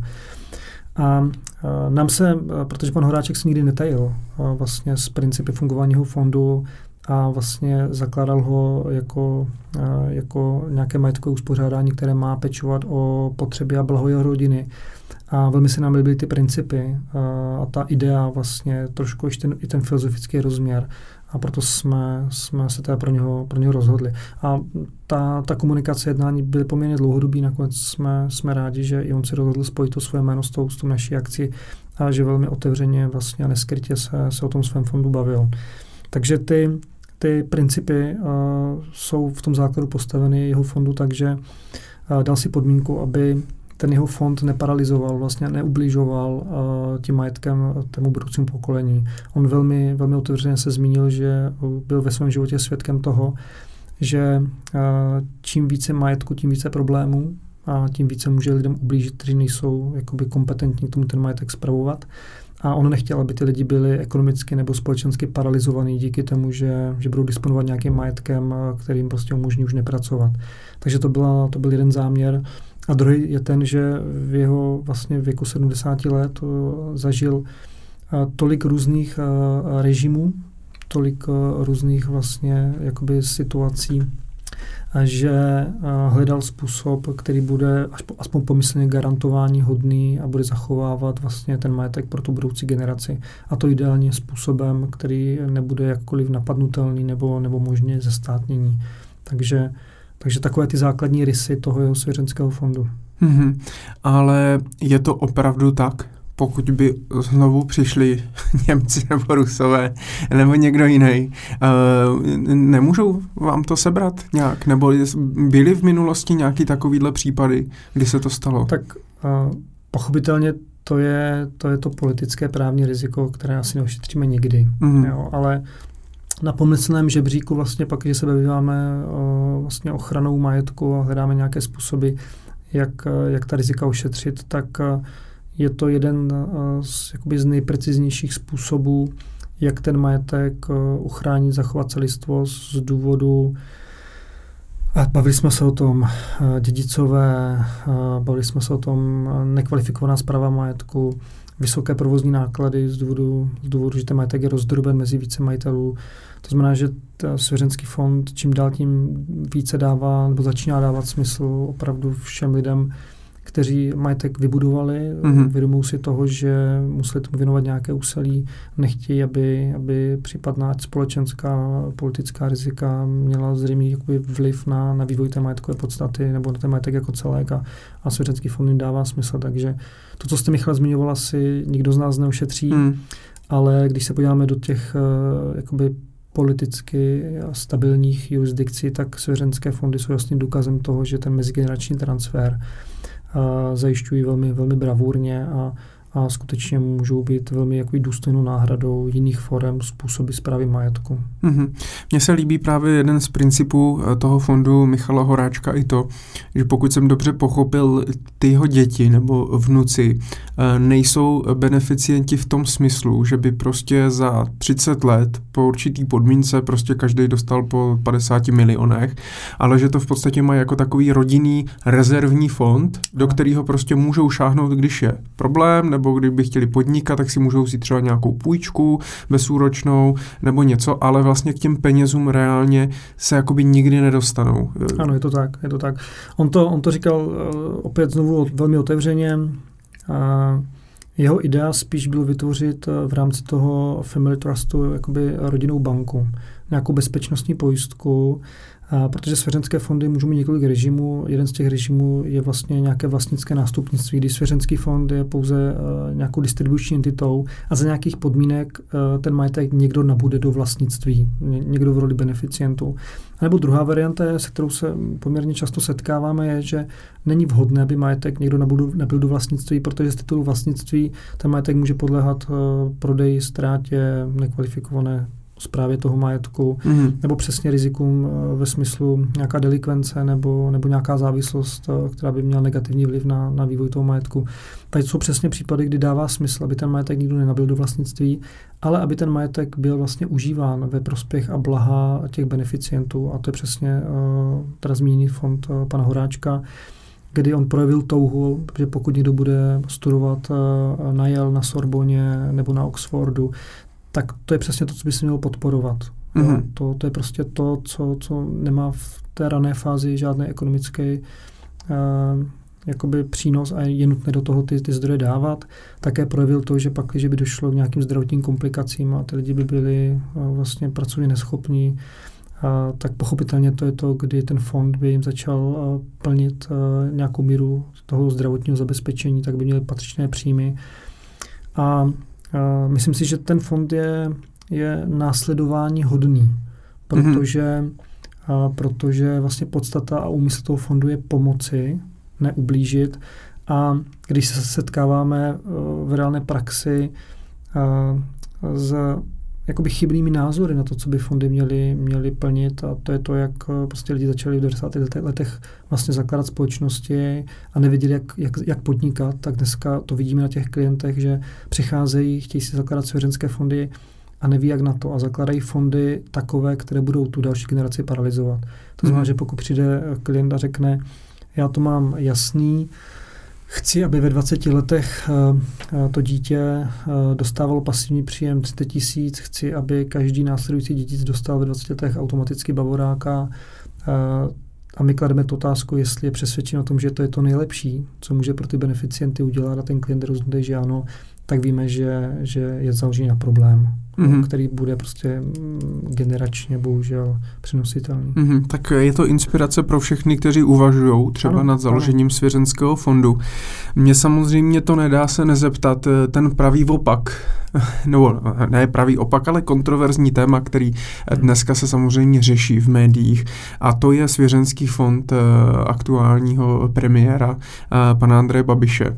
Tak tam to vidíte jak z pohledu vlastně odborníka na svěřenské svěřenské, svěřenské fondy, protože se neustále řeší, jestli eh, opravdu se toho vzdal, nevzdal, ovlivňuje ten majetek, v tom neovlivňuje, on je snad dokonce i beneficientem vlastně v hmm. tom fondu, tak eh, bylo to vlastně udělané jenom na oko, jde to udělat, aby ten fond byl teda jenom na oko, eh, aby pro nás občany teda to vypadalo, že není ve střetu zájmu, ale reálně je. Jak to vidíte vy odbornýma očima? Hmm. Tak do teďka to bylo, bylo Michal takový pěkný povídání a teďka jsi to pokazil. Jo? a, a na to a my, my čelíme každý týden spousty dotazů ze strany médií. A, a z, toho, z toho odborného pohledu je, že ten krok, který udělal pan Babiš, tak je v zahraničí zcela běžnou součástí, pak, když někdo jde do státního úřadu.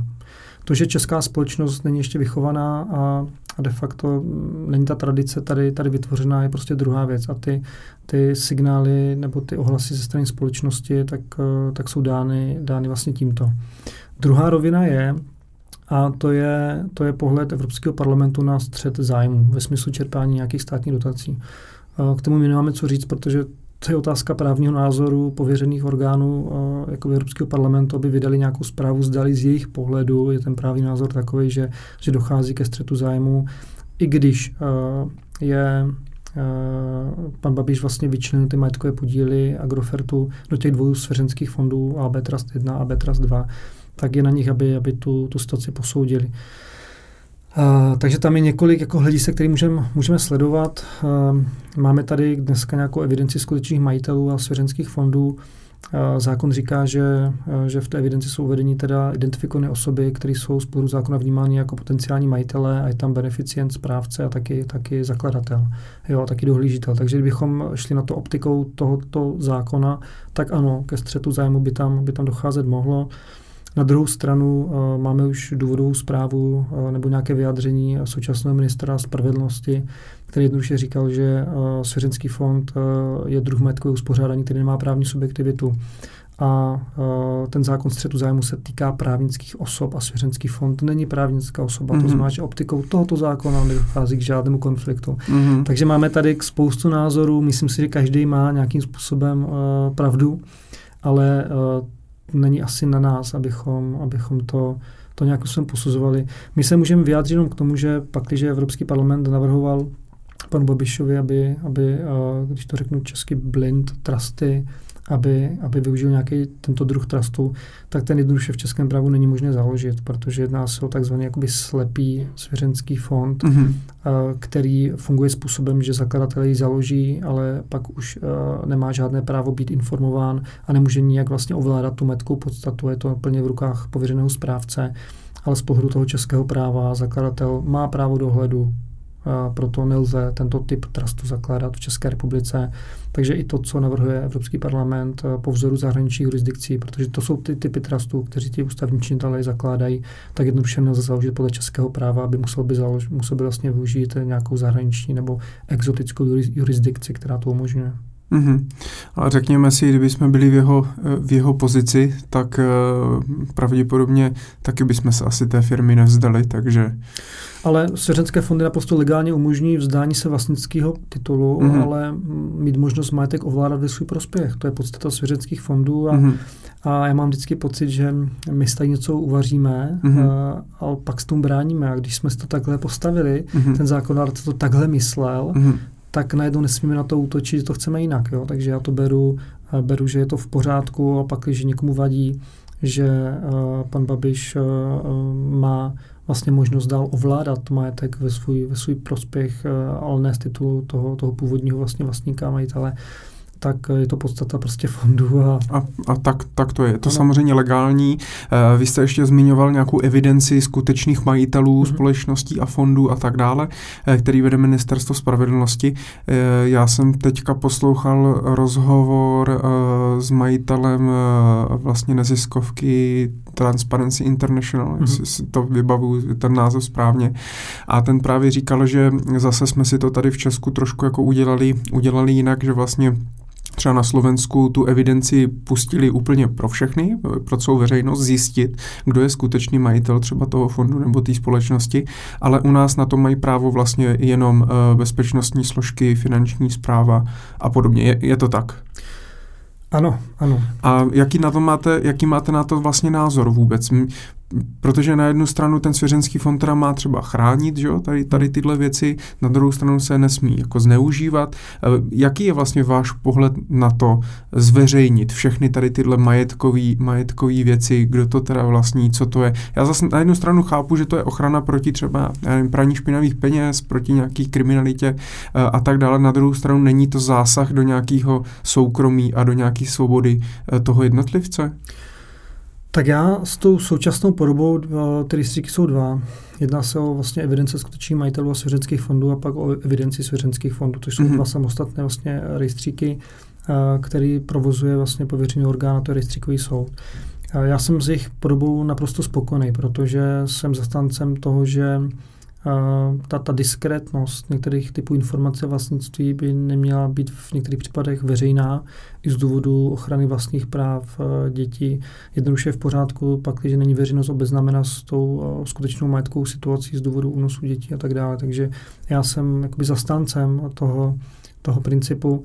A na druhou stranu e, ty, ty rejstříky dneska velmi pomohly v, v, v legalizaci toho institutu, jo, protože do 1. 1. 2018 byl svěřenský fond skutečně jako virtuální entitou, která se velmi těžko pro, pro, pro, pro, jak si, uh, prokazovala na půdě bank v obchodních vztazích a, a svěřenské fondy mají vlastně od 1. 1. 2018 svoje IČO, takže uh, sice nemají uh, právní subjektivitu, ale mají sporu zákona tu daňovou subjektivitu, uh, mají tedy to IČO a uh, nám to pomáhá v té obchodní komunikaci, v těch stazích a v pozadí vlastně ta nevěřejná část je zpřístupněna uh, ty informace ve 100% orgánů činných v trestních řízeních, uh, bezpečnostní informační službě, službě potažmo finančním analytickému útvaru. To znamená, že je v pořádku, že pak, že je, je de facto nějaké důvodné podezření, že dochází k páchání nějakých nekalostí, které mezi námi lze páchat na úrovni spolku, neziskovky, akciovky, SROčka, všude. Jo. Všichni si myslí, že mm-hmm. svěřenské fondy jsou tou jedinou entitou, není to tak.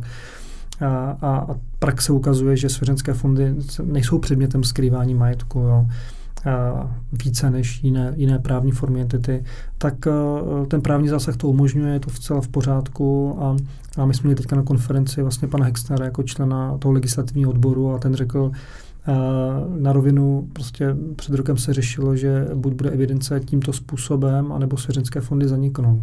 Mm-hmm. Jo, takže byla to jediná možná cesta, jak zachovat transparentnost v pozadí a způsobem, aby vlastně veřejnost eh, neodkryla veškerou majetkovou situaci a nedošlo, a ne, nebo takhle, aby došlo k ochraně těch práv těch, těch klientů. Mm-hmm.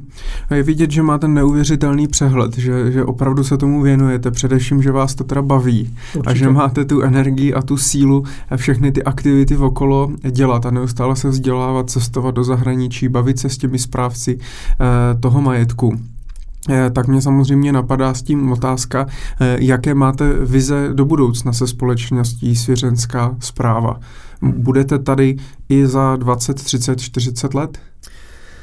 To, co je pro mě, pro mě lákavé, je eh, dělat něco, co má skutečně svoje hodnotu a smysl. A, a pro mě ten element k tomu dobrodružství a dělat něco, co má skutečně smysl, je, je strašně důležité. A z toho, co jsem tady v průběhu toho rozhovoru řekl, určitě je cítit, že pokud ho nevidím, tak hnedka prostě z toho typu biznisu odcházím, protože jenom to prosté provozování nějaké v podniku nebo nějaké firmě prostě nebaví. Jo. To, to je pro nějakého profesionálního manažera, ne, ne, ne pro mě.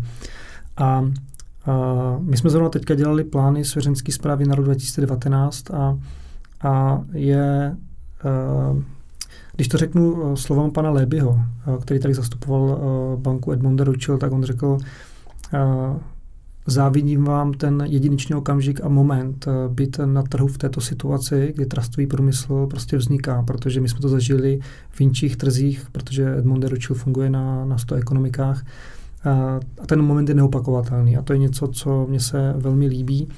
A dneska nám to přináší uh, nějakou práci, uh, která odpovídá tomu typu toho trhu což jsou ty konzultace administrace svěřenských fondů, ale popravdě řečeno je pro mě velmi lákavé se zabývat do budoucna i zprávou fondů jako takových různým způsobem.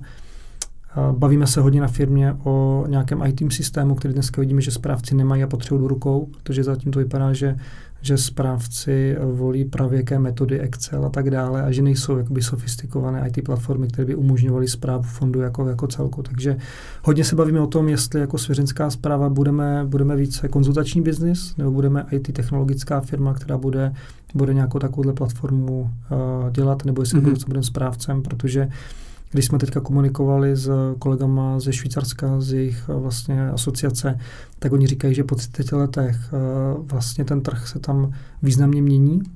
A jedna z těch součástí jsou vlastně akvizice a fúze těch trustových společností, kdy ty globální banky jednoduše 30 let čekali, než si ten trh vyřeší ty drobné problémy, nastavování ceny, vývoje služeb, akvizice klientů. A dneska vlastně ty banky místo toho, aby si budovali pracně svoji divizi, tak jednoduše skupují a scelují tyto trustové společnosti. A je to hezké vlastně to vidět jako pomyslnou, pomyslný cíl, vlastně budoucnost, to, jak by se ten trh v České republice mohl, mohl vyvíjet. Takže já doufám, že na trhu budeme, budeme dlouho to v jaké podobě, jestli, jestli budeme v podobě těch konzultantů, administrátorů mm-hmm. nebo, nebo IT firmy, která bude poskytovat mm-hmm. nějaký, nějaký systém, to vidíme, ale určitě je pro mě důležité to, že jsme otevření tomu vývoji té poptávce. To znamená, mm-hmm. že i dneska děláme něco, co jsme neměli v repertoáru služeb nebo v nabídce, ale klienti to poptávají, jsou ochotní za to adekvátně zaplatit, tak velmi rádi, když cítíme, že jim kompetentně můžeme dodat ten typ služby, jako je výběrové řízení pro správce, nebo nějaký analýza nákladovosti svěřenského fondu nebo, nebo nějaký výnosový model, který souvisí s tím, jaká aktiva si ve fondu ponechat nebo ne. Pak, když prostě ty informace, ty znalosti máme, tak jim je rád, rádi honorovaně dáme. Mm-hmm. Jedno jisté, eh, pravděpodobně trustový biznis eh, bude pro vás eh, teda asi ta životní etapa nebo ten životní biznis asi celého, celého života, to, že? No, já jsem se naučil říkat nikdy neříkej nikdy, jo, mm-hmm. ale, ale beru to jako, jako něco, co teďka se mnou rezonuje, já to tak cítím, baví mě to, naplňuje mě to, ale nikdy netvrdím, že na té, na té rozkveté louce najdu, najdu jinší květinu, která mě v té etapě bude bavit. A, a pravda je to, že dneska, jak jsem říkal, bude mi 40 let, tak se dívám na ten biznis a na to, jak ho poskytovat, jak ho budovat jinak než v těch 20 letech. A, a u mě se osvědčily ty etapy desetileté cykly, jo, které mají nějaké drobné záchvěvy, nějakých ideí různých podnikání, ale byla tam nějaká hlavní dějová linka, toho, toho mého života, toho mého biznesu a teďka tu dělovou linku vidím v tom trustovém průmyslu. Mm-hmm. Já vždycky ještě na konci eh, toho rozhovoru hostům pokládám stejnou otázku a to je, eh, kam investujete své vlastní peníze, protože pohybujete se ve finančnictví, hmm. měl jste zkušenosti s investicemi teď se v podstatě potkáváte s lidmi, kteří spravují miliardy korun. Tak kam vy investujete svoje vlastní hmm. peníze? Dáváte je pouze zpátky do firmy nebo i investujete do akcí, dluhopisů, nemovitostí? Jak vypadá vaše investiční hmm. portfolio? Tak, je to, je to častá otázka, kterou, kterou dostávám. Já na ní vždycky odpovídám, že to, já necítím, že bych měl dneska objem majetku uh, takového, že bych uh, si mohl dovolit jakoby externí správce. Protože dneska měl jsem v uplynulých pěti letech nějaké uh, dluhopisové strategie, poměrně, poměrně konzervativní, který nesli zajímavý výnos eh, v posledních letech, už, už nenesli ty, ta, ten profit, který jsem očekával. Proto jsem něco překupil do nějakých akciových titulů a bylo to nějaké drobotiny. A já dneska vždycky v těch firmách, kde mám majetkovou účast, tak vidím, že to riziko můžu stoprocentně řídit.